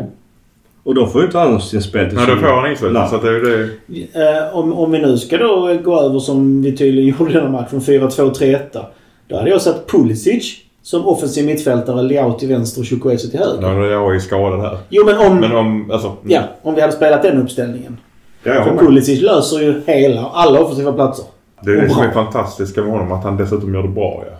Mm. Det det. Sen tror jag lite Pioli, klart att han måste försvara sin spelare men att han har sett lite bristerna defensivt. Att uh, Calabria blir oftast hängandes själv på den, på den kanten. Alltså, vet, man kan säga mycket om Sellemarkers men han gjorde ett jävla jobb defensivt och täckte mycket ytor. Eh, Det kan man inte säga om uh, Messias såklart. Men det kan jag inte säga om Chukwese heller. Och det är som du säger, det det är stora pengar. Och det är mycket också baserat på att det, det var bara ett år kvar på att han var bossman. Vilket innebär att det känns som att det var ännu mer pengar än vad det var om man ser på den ekvationen. Så att 500 minuter än så länge. Jag tycker inte han har imponerat ett piss på mig i alla fall. Nej, nej, inte utifrån förväntningarna. Så kan jag säga. Sen var det var ett jäkligt fint mål i Dortmund. Ja, det var det. var Den prestationen är jättebra. Eh, då är vi inne i Dortmund Gurra. Eh, jag och Mackan har ju dratt en långbänk så att eh, du, du, du kan få prata hur fritt du vill inför 75 300 på plats. Det är kul att de var på plats och det var inte Milan. Nej, inte vi tre heller. Nej, alltså... Nej. Det är inte så mycket att säga. Vi blev uppätna. Och bara kände att nej, alltså... Du blev väldigt låg nu. Ja, nej men jag... Han jag blev ledsen. Jag blev han ledsen. tänkte på den här matchen. nej men den här matchen den... Eh, ett, alltså om du tar PSG-matchen så bra den var och hur bra vi spelade så kan vi nog vända på det kände jag. För Dortmund sprang ifrån oss. Giroud straffmiss. Vad säger du om det? Ja, dålig straff. Dåligt slagen straff och en bra räddning. Tja, skadad, utbytt såklart. eh, ett skadehelvete. Vad säger du om att då Krunic går in som mittback? Eh, Det, det, med facit i hand. Gör Pioli rätt där och då? Eller om vi vänder på det. Han har inte spelat mittback ett dugg sen dess. Nej, det finns en anledning. Alltså, Ja, med tanke på att han är en defensiv säkerhetsrisk på mittfältet. Att då sätta in honom som mittback. Nej, alltså det är bara hjärnsläpp. Vilka hade vi på bänken? Ja, det är inte en enda annan mittback. Nej. Det är där problemet ligger. Ja. Ja, Jag tycker fortfarande att det här borde han ha förutsett. Så att han borde ha en plan för detta. här borde vi tagit upp någon av ungdomarna som är mittbackar. Antingen det. I Champions League, Dortmund hemma. Bättre än Krunic. Eller sätter man in Hernandez här då? Sätter, tar ut Florenzi på vänsterkanten. Ja, men det är det man kan spekulera för det Mm. borde han nog gjort, ja. Så det var miss av Pioli att ha ner Krunic och det... Återigen, som vi pratade innan. Han hade ingen plan B. Vad skulle hända med mittback blir skadad? Eller var det just Krunic för att han tänkte att han defensiv spelare. Att det var mindre omgruppering att spela honom Han hade en plan B som var dålig. Ja. Ja. Och, eller jag vill inte säga att det är en plan B. Det var en dödsryckning. Att han... Krunic in! ja men återigen. eh, Ja, alltså med första hand. Jag hade, jag, det är lätt att vara efterklok men om man ser på resultatet att eh, Hernandez har spelat eh, mittback därefter. Då är det bättre att ta in eh, Florenzi, till och med Bartesagli på, på vänsterytan. Sen är det väl så att hur, vid detta tillfället ligger vi under va? När, tror jag, eller blev det ett, var det 1-1 då? Stod noll- 1-1. noll- 1-1. Tog 1-1 då. Mm. 1-1. Kan det vara så att han tänker att vi behöver Hernandez som offensivt vapen eftersom vi inte har Leo som offensivt vapen Ja. och vi behöver egentligen tre poäng? Så Det här kan, nu spekulerar jag bara hej vilt. Men Ja, alltså det här kan vi ju spåna till Men det finns ju en logisk tanke utifrån det du säger. Ja, det gör det. Men däremot, det faller ju helt för att han är ju konstant felplacerad och det blir ju mål eh, sex minuter senare och sen ytterligare tio därefter. Sen är matchen död. Gitten så snabb som satan. Ja, det var han. Det sa vi väl sist. Jag kan tala om att det är rätt många engelska klubbar som står och väntar på att eh, det ska bli transferfönster. Det är det va? Gittens. Åh! Jag tror Chelsea har ett konkret bud. Arsenal har ett konkret bud. Jag tror United har ett konkret bud också på honom. Engelsk vänsterytter. Med den farten. och den skicken. gnuggar Ja. fingrar. Fy fan, de kommer tjäna pengar på Ja, honom. fint. Det är snack om att de ska köpa tillbaks ett han som gick till United. Sancho. Är det Sancho? Ja. Och då kommer de få dem för reapris. Så Har de ett år så säljer de igen. Ja. Men det här det är ju nya, alltså det är ytterns, eh, ytterns Bellingham om vi tittar på det från ur deras synpunkt. Ja, han är 19 år gammal så att eh, han har ju framtiden framför sig. Ja, ja, ja. Alltså det... Tillbaks i Serie A och Frissinoni hemma. Eh, Stor glädjeämnet här förutom de tre poäng det är ju att, eh, vadå Mackan? Att Benny är tillbaka. Benny Bula. Ismail Benazer. Fantastiskt viktigt att han är tillbaks. Ja, alltså han, hyllade, han hyllades ju nästan som en ny, Ja. nyförvärv när han Ja. var tillbaka. Ja, man såg verkligen hur glad han blev när eh, han blev inbytt. Sen behöver han också komma in i matchrytm eh, som alla andra som varit långtidsskadade. Så att, eh, Så är det. Eh, Det, det kändes ju i efterhand som en ganska komfortabel seger. Däremot i matchminut 42 så håller eh, landslagsmannen från England på att fitta till det. Eh, Där kunde det blivit en väldigt annorlunda matchstart. Vad säger vi om denna... Vad säger vi om eh, Tomoris prestation här? Det kunde... spela frekvensen. Halkar han? Nej, jag börjar bort sig. Mike gör ju en superräddning på friläget som åter... Med ansiktet. Ja, ja. Så uppstår när Kuni, när han eh, försöker chippa in den på Mike som har ett stort huvud tack och lov. Ja, det är ju dåligt försvarsspel faktiskt. Om man, inte, om man inte halkar. Ut- det såg ut som han halkade. Och det bisarra är ju i anfallet efter så gör ju Jovic äntligen någonting rätt. Alltså han har det var som jag sa. Får vi igång honom med det han har, har haft med sig så kommer han nog göra många mål. Och nu har han ju dragit in några baljor.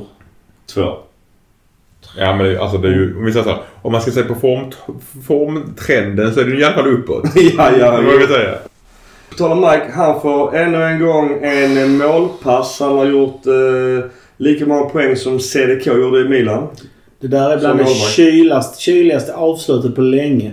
Pulisic tar ner, då går in, väntar backarna, sen bara chippar in Ja, det, är, fanskapet. det är extremt bra av Pulisic. Det är fotboll. Inte skjutet utan chippa där. Det är sånt godis så att... eh, Jag tänkte när vi ändå har just Pulisic på, på tapeten. Eh, är det tidigt att summera honom? Han har ju spelat betydligt mera än vad eh, Chukwueze har gjort. Jag vet inte om jag sa det eller bara skrev det någon gång. Men det är otroligt mycket fotbollssinne i det huvudet. Alltså. Fotbollsintelligens. Till skillnad från eh, Adli och. Otroligt hög där. Ja. Men han har inte bara intelligens. Han har ju rutinen med sig. Rutinen. Han har dessutom så, alltså, nedtagningen, löpningen i det där. Det är, Mm. det är inte många som klarar det. Nej, nej, nej. Han ska ju få ett femårskontrakt nu liksom.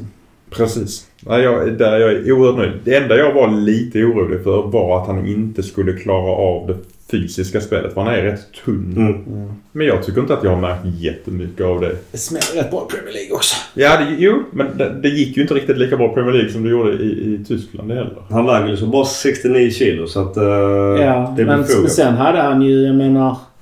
Men han, har- då har han erfarenhet av en tuff liga och då är det något kanske enklare. Ordinarie Champions League-vinnande lag. Alltså han har ju han har ett jäkla CV den killen. Han har, gjort, han har ju ganska många poäng om man ser på uh, återigen som man säger, ja, men, ny spelare, ny lag, nytt land, ny uh, liga, allt det här. Alltså jag ska säga, jag tror inte jag skulle kunna säga att han... Han har uppfyllt mina förväntningar. Jag skulle Är säga han- inte att han har gjort något dåligt. Är han eller, eller Loftus-Cheek eh, årets värvning hittills? I dagsläget säger jag Pulisic för Loftus-Cheek har haft fler skador och där Mm. får inte betytt lika, riktigt lika mycket. Reinders uh, är också eh, på den tapeten. Han är glad eh, trea i sammanhanget tycker jag. Sen däremot på lång sikt, eh, och det, och det sa jag inför, att jag trodde inte att Musa skulle spela jättemycket som så pass ung. Kom också ganska sent. eh, Men han kan bli enormt bra. Jag eh, tror att han kan bli bättre än Kessie. Ja, ja. ja, ja, det, det tog du för givet. Kessie var men ändå jävligt bra i Milan. Kesti har en fotbollshjärna, Musa har en fotbollshjärna, men Musa har bättre fötter. Får lite rutin, får lite mer i sig så Kessie tror jag han går om. Det tror jag också. Vi ska också bara säga här att Kamada jag är inne på även här och även igen så gör ju Chaka Traoré inhopp också. Så att eh, det här med att Piolo inte spelar unga spelare det tror jag många får nu tvätta bort. Vi har dels en ung trupp och Traoré är också från Det Primavera-laget. har inte vi sagt va? Det har inte vi sagt nej. Tack. nej. Jag tänkte var kom det ifrån? Men, men däremot anmärkningsvärt... Har du läst på Svenska fans nu igen? Ja. Ja. Eh, men det är att vi har under 70 000 på plats. Nu är inte Frisnånen något, storlag direkt. Men... Eh, Var det detta som en veckodag? Mycket? Nej. Nej. Nej, det Det var var helgen. För jag kunde se den live. Helgen efter Dortmund. Ja. Tyvärr Milan lördagsmatch nu. Det passar inte min kalender alls.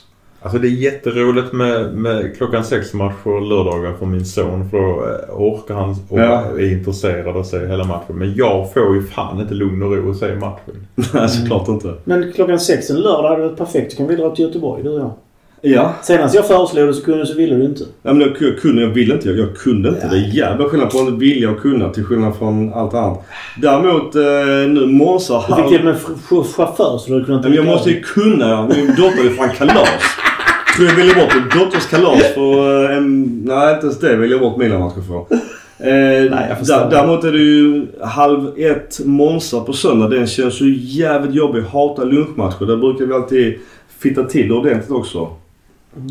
Men nu är vi inne i Frisinone. Vi vänder steken och eh, Jovic då som du sa kommit igång. Han har faktiskt även ett målpass. En snygg nick till Tomori som gör 3-0.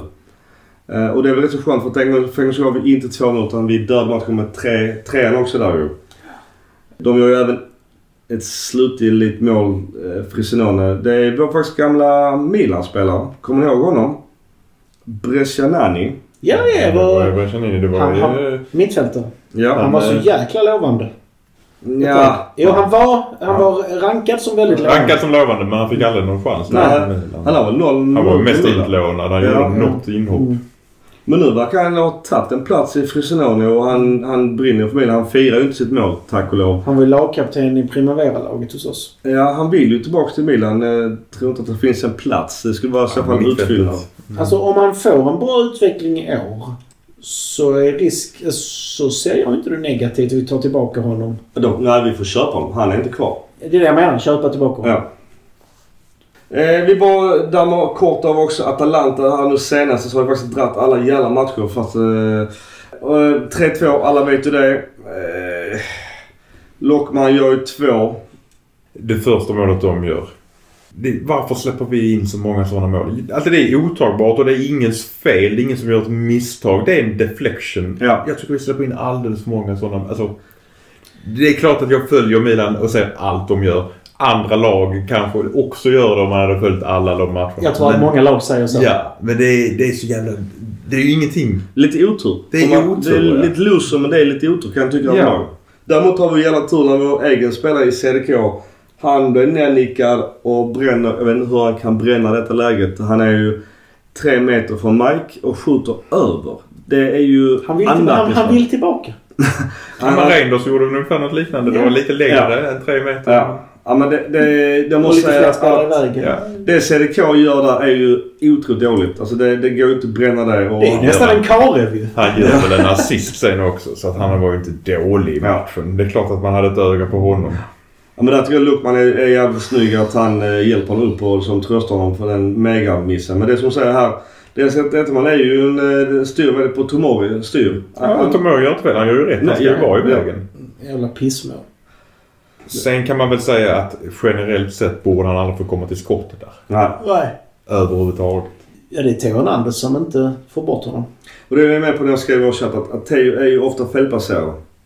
Sen så gör vi 1-1 innan paus och jag kan tycka någonstans att eh, vi kanske haft frispark emot oss i, innan den här spelvändningen som sen blev hörna. Det var ett jävla liv på Atalanta. Jag kan, jag kan förstå deras gnäll att inte de fick frispark. Det är mycket knuffar i ryggen där också innan det målet. Så att ja. Det är... Ja, men jag menar på frisparken innan. ja, ja, men, jo, jo, jo, men utöver det så var det väldigt mycket knuffar i ryggen. Även under hörnan. Så att ja. Och 2-1 lockar man igen då och det, återigen, där är ju det som sa CDKs målpass men där är ju Theo Landers ute och, bryter jättefält och så är ju är fel på det efter det ju. Har ni sett det? Det är inga överdrivna f- firande från eh, CDK när han... Eh, Nej. Nej, det kan han inte göra. Han tillhör ju oss fortfarande. ja, men det är det jag menar. Oh, du. Det där är en... Det är en hård brytning men den är väldigt bra. Ja, ja, då pratar vi om Atalantas eh, tackling. Eh, så när det står 2-1. Michael dubbelräddning sen. Mm. Men jag måste återigen där till, eh, som jag sa, Theo och hans positionsspel. Det syns att han inte är mittback. Eh, Det märks ju synd att vid deras 2-1 mål. Det är därför är jag lite, lite nervös att han ska spela mot Newcastle. Du var inne på Jovic. Det är ju hans andra mål där mot eh, just Atalanta. Mm. Det är verkligen rätt eh, placering. Alltså det är lite Inzaghi-mål. Det är mycket bra att få in den bollen. Ja. Sen lite turligt att den går mellan alla de fötterna där såklart. Ja. Men Och återigen var inne på det med Calabria. Har fått sitt andra gula kort. Den är ju solklar. Mm. Eh, återigen, varför tar man den tacklingen när spelaren är förbi? Jag tycker det är På vansinnigt. mittplan. Ja, när du har ett gult. ja det, det är vansinnigt. 3-2 i 95. Muriels mål, ja det är ju tyvärr godis. Mm. Ja. Det är fruktansvärt fint. Som jag var inne på, min röda linje i den här matchen. Och det är ju, mot bättre motstånd så är ju Teo återigen helt felplacerad. Förr var han ofta felplacerad som ytterback. Nu har han fått ordning på det. Nu sätter vi in honom som mittback och då kommer han fel- felplacerad ett par år innan han löser det. Liksom. Ja, vi har inte råd med att han är Nej. felplacerad mot Newcastle. Exakt. Uh, visst, vi vi har inget val mot Newcastle, men han är ju felplacerad i två av tre mål. Eller, Det ta upp en, en mittback från uh, ungdomslaget. Det får vi ju göra. eller... Vågar man det mot Newcastle borta? Nej, det gör man inte. Eller så kommer Pioli att bli experimentell igen. Och då kommer han att spela Tomori i mitten och så kör han typ Florenzi och Calabria utsidorna. Så vi kör inte de tre som um, back, Tre, mittback. tre mittbacks. Tre mittbacks. Så ser det ut Hernandez och um, Mosa på högern. Och sen så har vi ju då eh, tre anf anfallsspelare. Jag tror inte han kommer att laborera mer. Alltså jag tror inte han vågar det. Alltså han, nu har han hänger på repen. Nu har Teo spelat två matcher som mittback. Bra och mindre bra men man kan inte laborera i en, i en helt avgörande match i dödens grupp. Det finns inte utrymme för det. Men det är tyvärr synd för Teo är ju felplacerad och det blir avgörande eh, ännu en gång. Sen Morells mål. Den klacken, ja det, det är ju världsklass. Tyvärr. Mm. Adli har också kommit in och han är ju... Bara våga klacka där. Det är helt... Ja, det är snyggt. Men äh, återigen, Adleo kommit in. Han ännu en gång är ju usel i uh, försvaret. Vid 2-2 målet och deras 2-1 mål. Det är så naivt försvarsspel. Ja. Av båda lagen. Mm. Så att jag tycker nog att 2-2 egentligen var ett, ett rättvist resultat i denna matchen. För jag tycker inte att Atalanta var mycket bättre än oss. Jag tycker vi var lika dåliga. Så skulle jag säga. Ja, jag är helt med. På tal om Teo måste jag också prisa han lite och nu har sänkt honom. Och det är att han kom med i Who Scores eh, månadens lag i november. Oh, din gamla favoritmittback där också Micke. Bremer, ja. Ja, du kan inte ta hela. Bremer och sen Dusena från Calgary. Eh, Marco Cini från Salernitana högerback. Falcone målvakt. Quagliarella tycker jag inte förtjänar att vara där. Sen Udini Lecce som mitt, mittfältare. Håkan Kråkan. Eh, Sule från Frisnolo. Tyvärr Juve-ägd. Väldigt spännande spelare. Och sen så Djuric Verona. Och sen så min favorit i Bologna i Cirkese. Han som Leo lyfte för några månader sedan menar på att vi borde lagt, med, lagt pengar på honom istället för dyra pengar på Jonathan Davids. Ta båda. Ta båda. Och på tal om Davids, eh, jag var lite nyfiken på hans lön. Gurra, du hade lite löneuppgifter som vi tar en cliffhanger på. Ja, jag har fått uh, lönelistorna för denna säsongen nu. Så är det någon, någon sp- spelare eh, runt Milan eller uh, ja, en annan Serie A-spelare, ja, någon vilken spelare som hela världen nästan. Så kan ni bara skriv, skriv det, skriv det på, under det här inlägget så kan vi ta upp det nästa gång. Men du drar hela Milan-listan Jag drar Milan-listan Ja. som vanligt. En spännande lyftning. Kort. Eh, Newcastle. Det är imorgon Lucia. Direkt efter kyrkan när man nu går i den. Det finns inga biljetter kvar. Däremot har Milan på sin hemsida att det kostar 72 euro each för en biljett på St. James's Park. Det, Där hade man ju lätt lagt. jag tycker fortfarande det är för mycket. Du var inne på det innan Gurra, eller Mackan. Ja, äh, Leo är tillbaka i truppen och spelar troligtvis från start imorgon. Nice. Vår ägare är ju väldigt tydliga med att eh, det är Champions League som gäller. Mackan bara kort siffror. Det har kommit ut rapporter från vad vi tjänade i fjolårets Europaspel. Ja, fast det, det, det kan man inte jämföra riktigt. Men eh, vi tjänar 127 miljoner euro från förra årets Champions League-äventyr. Och om vi åker ut imorgon så har vi gjort 42 miljoner. Det är väl 42 miljoner ganska mycket pengar det också. Och sen missar vi det också för att spela i Club World Cup. Vår semifinal... Åh, det är så jäkla krångligt med den här nya Club World Cupen. Ja men det är baserat på det, detta året. Vi måste ju leverera till slutspelet för att komma dit. Ja, men det finns även en efterhängare på någon säsong. Alltså den, det, jag ger mig inte in i det. Jag kan inte sp- spåna fram det nu. Men vi låter det vara till nästa gång för det är lite mer komplicerat och Ja. det är ett nytt eh, segment. Så vi låter det vara. Och den kommer att spelas efter ordinarie säsong. Alltså mellan, alltså, när säsongen är slut kommer den att spelas. Allt det är för- inte... Allt för bränna spelare. Allt för bränna spelarna. Det är alltså inte en match, eller ett VM, eller då precis i december. VM som det hette Ja. i december. Då spelar du två matcher i december, januari. Här är det alltså... Det var då Mikael träffades. Ja. Milan spelade klubb-VM sist. Noll- 07. Här är det, i det här nya i alla fall, det kommer vara fem matcher. Tre gruppspelsmatcher, semifinal och final tror jag det. Så är det. Så att istället för två matcher är det fem. Kort. är det kanske bättre att man gör det i alla fall efter säsongen. Ja. Än mitt under. Men två matcher kan du klämma in i Ja, december. jo men det, oftast är det, ska du upp till typ Japan eller något sånt. Ja. Ja, du, du har en vecka du fri, fri, frikopplas. Ja, jag vet inte. Jag tycker det är... Mm. Ja, vi lyfter den med för det är en, en spännande tappning. Vi får se om vi ens hamnar där. Det, det svårt har vi faktiskt imorgon redan kväll. Det jobbiga med det här med att man var iväg mitt i säsongen det var att ofta det laget då hade ett par hängmatcher i ligan. Så man visste inte riktigt Ja, hur, hur, eh, alltså hur tabellen egentligen var. Ja, Ja. Nej, det är pissigt. Bara kort, vi måste lyfta Newcastle. Det är imorgon Lucia. Eh, vad tror vi? Vad vill vi hoppas på? De har också... De har lika många skador som vi har. Nej, jag in på Svenska fans. De har ju fan lika lång lista som vi har. Däremot har de två mittbackar. Dock inte Sven Bottman imorgon, tack och lov. Det var som jag sa till Micke att skulle vi ställa våra trupper mot varandra och jämföra spelare för spelare. Så tror jag vi är bättre på... Alltså om vi tar startelvorna så tror jag vi, alltså bara på pappret, är bättre på två till tre positioner. Sen några som är ungefär likvärdigt. Och så har de några, några bättre. Men det är inte det som avgör. Det är ju laginsatsen och hur det ser ut. Och där kan vi mycket väl ha en chans. Om vi håller ihop laget och inte låter Isak ha lekstuga så... Ja. Kryss tror jag inte är omöjligt. Och håller vi ut det länge så kan vi säkerligen snubbla in en boll. Jag höll ju då inte med Gurra såklart ska jag också säga. Att jag tycker vi har fler än två, tre. Men... men Det sa du sig inte nu vid lunchen. men- Jo, det sa jag. Jag, jag, alltså, jag räknade upp fyra spelare som jag tycker är bättre än deras fyra. Så det var där. Men Ma- Mackan, vad säger du om eh, matchen imorgon? Alltså det här är- är ju ett måste-vinst för Milans del om vi ska överhuvudtaget spela i Europa. Om det är Europa League eller Champions League. Så att vi har, där har vi faktiskt, och det har Pioli också sagt, vi har ju faktiskt det avgörandet i egen hand om det ska bli fortsatt i Europa-spel Mm. eller inte. Och, och, vad är det för jäkla eh, trams liksom och som, de- som man läste på hemsidan. Nu är, är det bara kuppen som vi har i egna händer att vinna. Det är inte alls det. Euroleague är i våra egna händer att vinna också. Och faktum är att det är en, en, en pokal vi aldrig har tagit. Så Nej, det, det skulle också vara lite... Och det är ju så att vi kan ju faktiskt nå äh, Champions League-slutspel. Vinner vi och eh, Dortmund slår Paris så går vi Dortmund vidare. Det är förutsättningarna.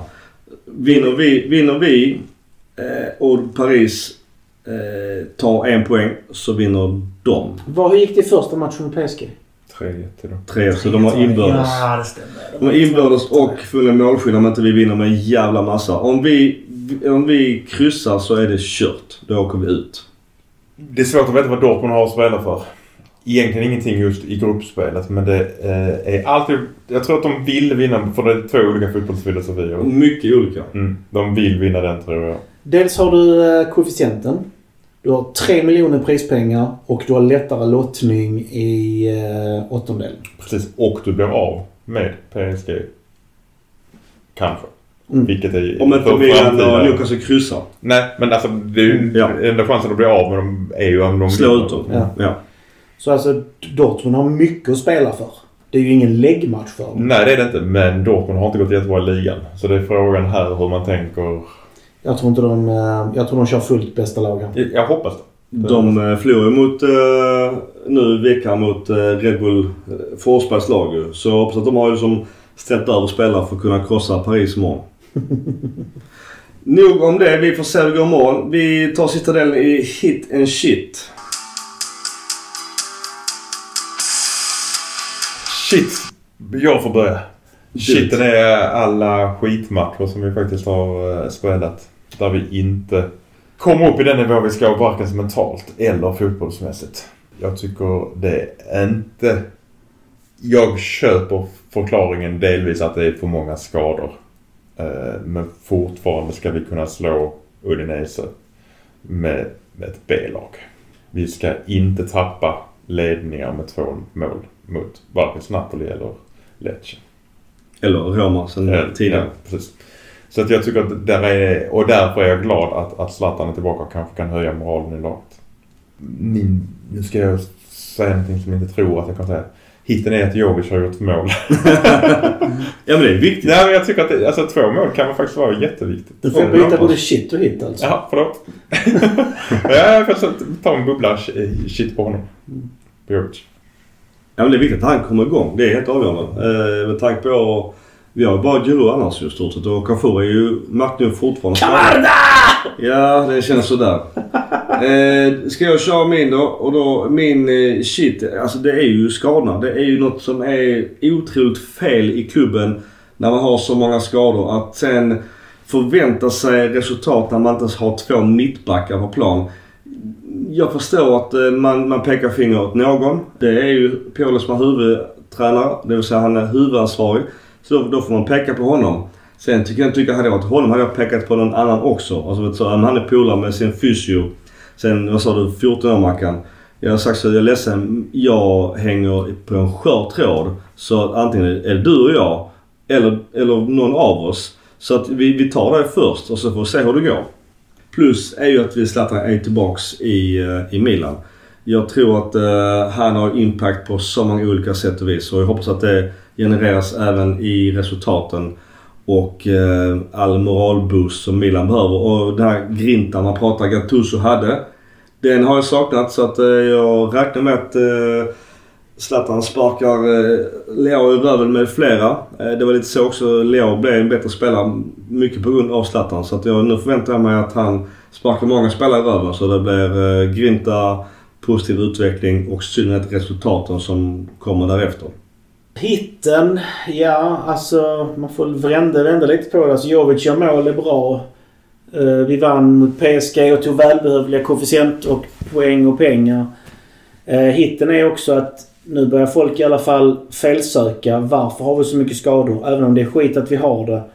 Men det börjar i alla fall väckas frågor om det och det har vi i alla fall skrikit efter rätt länge. Varför är vi så jäkla drabbade? Shitten, eh, det första jag kommer att tänka på det är ju att snacka sig till sig ett gult kort när man i princip är enda anfallaren som är frisk. Den, det är ju tjänstefel så det dammar om det. Shit också att vi tappar poäng med dåliga matcher, resultat. Att Pioli som jag sagt saknar bra B, C och D-planer, vilket verkar märkligt.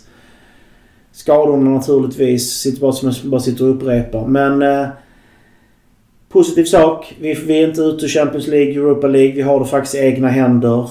Men det är synd att det ska behöva gå så långt. Jag tycker också hit är att vi har ju ändå presterat bättre i den här gruppen än vad i alla fall jag trodde vi skulle göra. Med tanke på vilka vi möter. Yes. Då tror jag du ska bara ta min, alltså, minst fem poäng. Pratar du poängmässigt eller spelmässigt? Poängmässigt. Poängmässigt. Tror du att vi... Jag trodde det skulle vara mycket tuffare. Jag tyckte vi sa inför att vi, det var en tuff grupp men vi trodde nog alla att vi skulle gå vidare. Jag var väldigt tveksam. Alltså, Dort, alltså det, jag sa nyckeln är om vi slår Dortmund borta. Ja, där gjorde Giroud tyvärr miss. Och klarar oavgjort hemma. Det är det som avgör om vi går vidare. Så. Jag tycker den stora pumpen är fortfarande Newcastle hemma. Jag håller med. Där, där vi borde vunnit. Både spelmässigt och, och gjort men... Sen får du börja lyssna på Piolos presskonferens och där berättar han om sin B, C och D-plan. Han sa att han, han hade dem men han sa att det var bra. Jag sa att de hade inte... Han ska ha en bra Mm. Det är ju svårt om man har Primavera-spelare på bänken i och för sig. Ja. Nog om det. Forza Milan. Forza Milan. Forza Milan.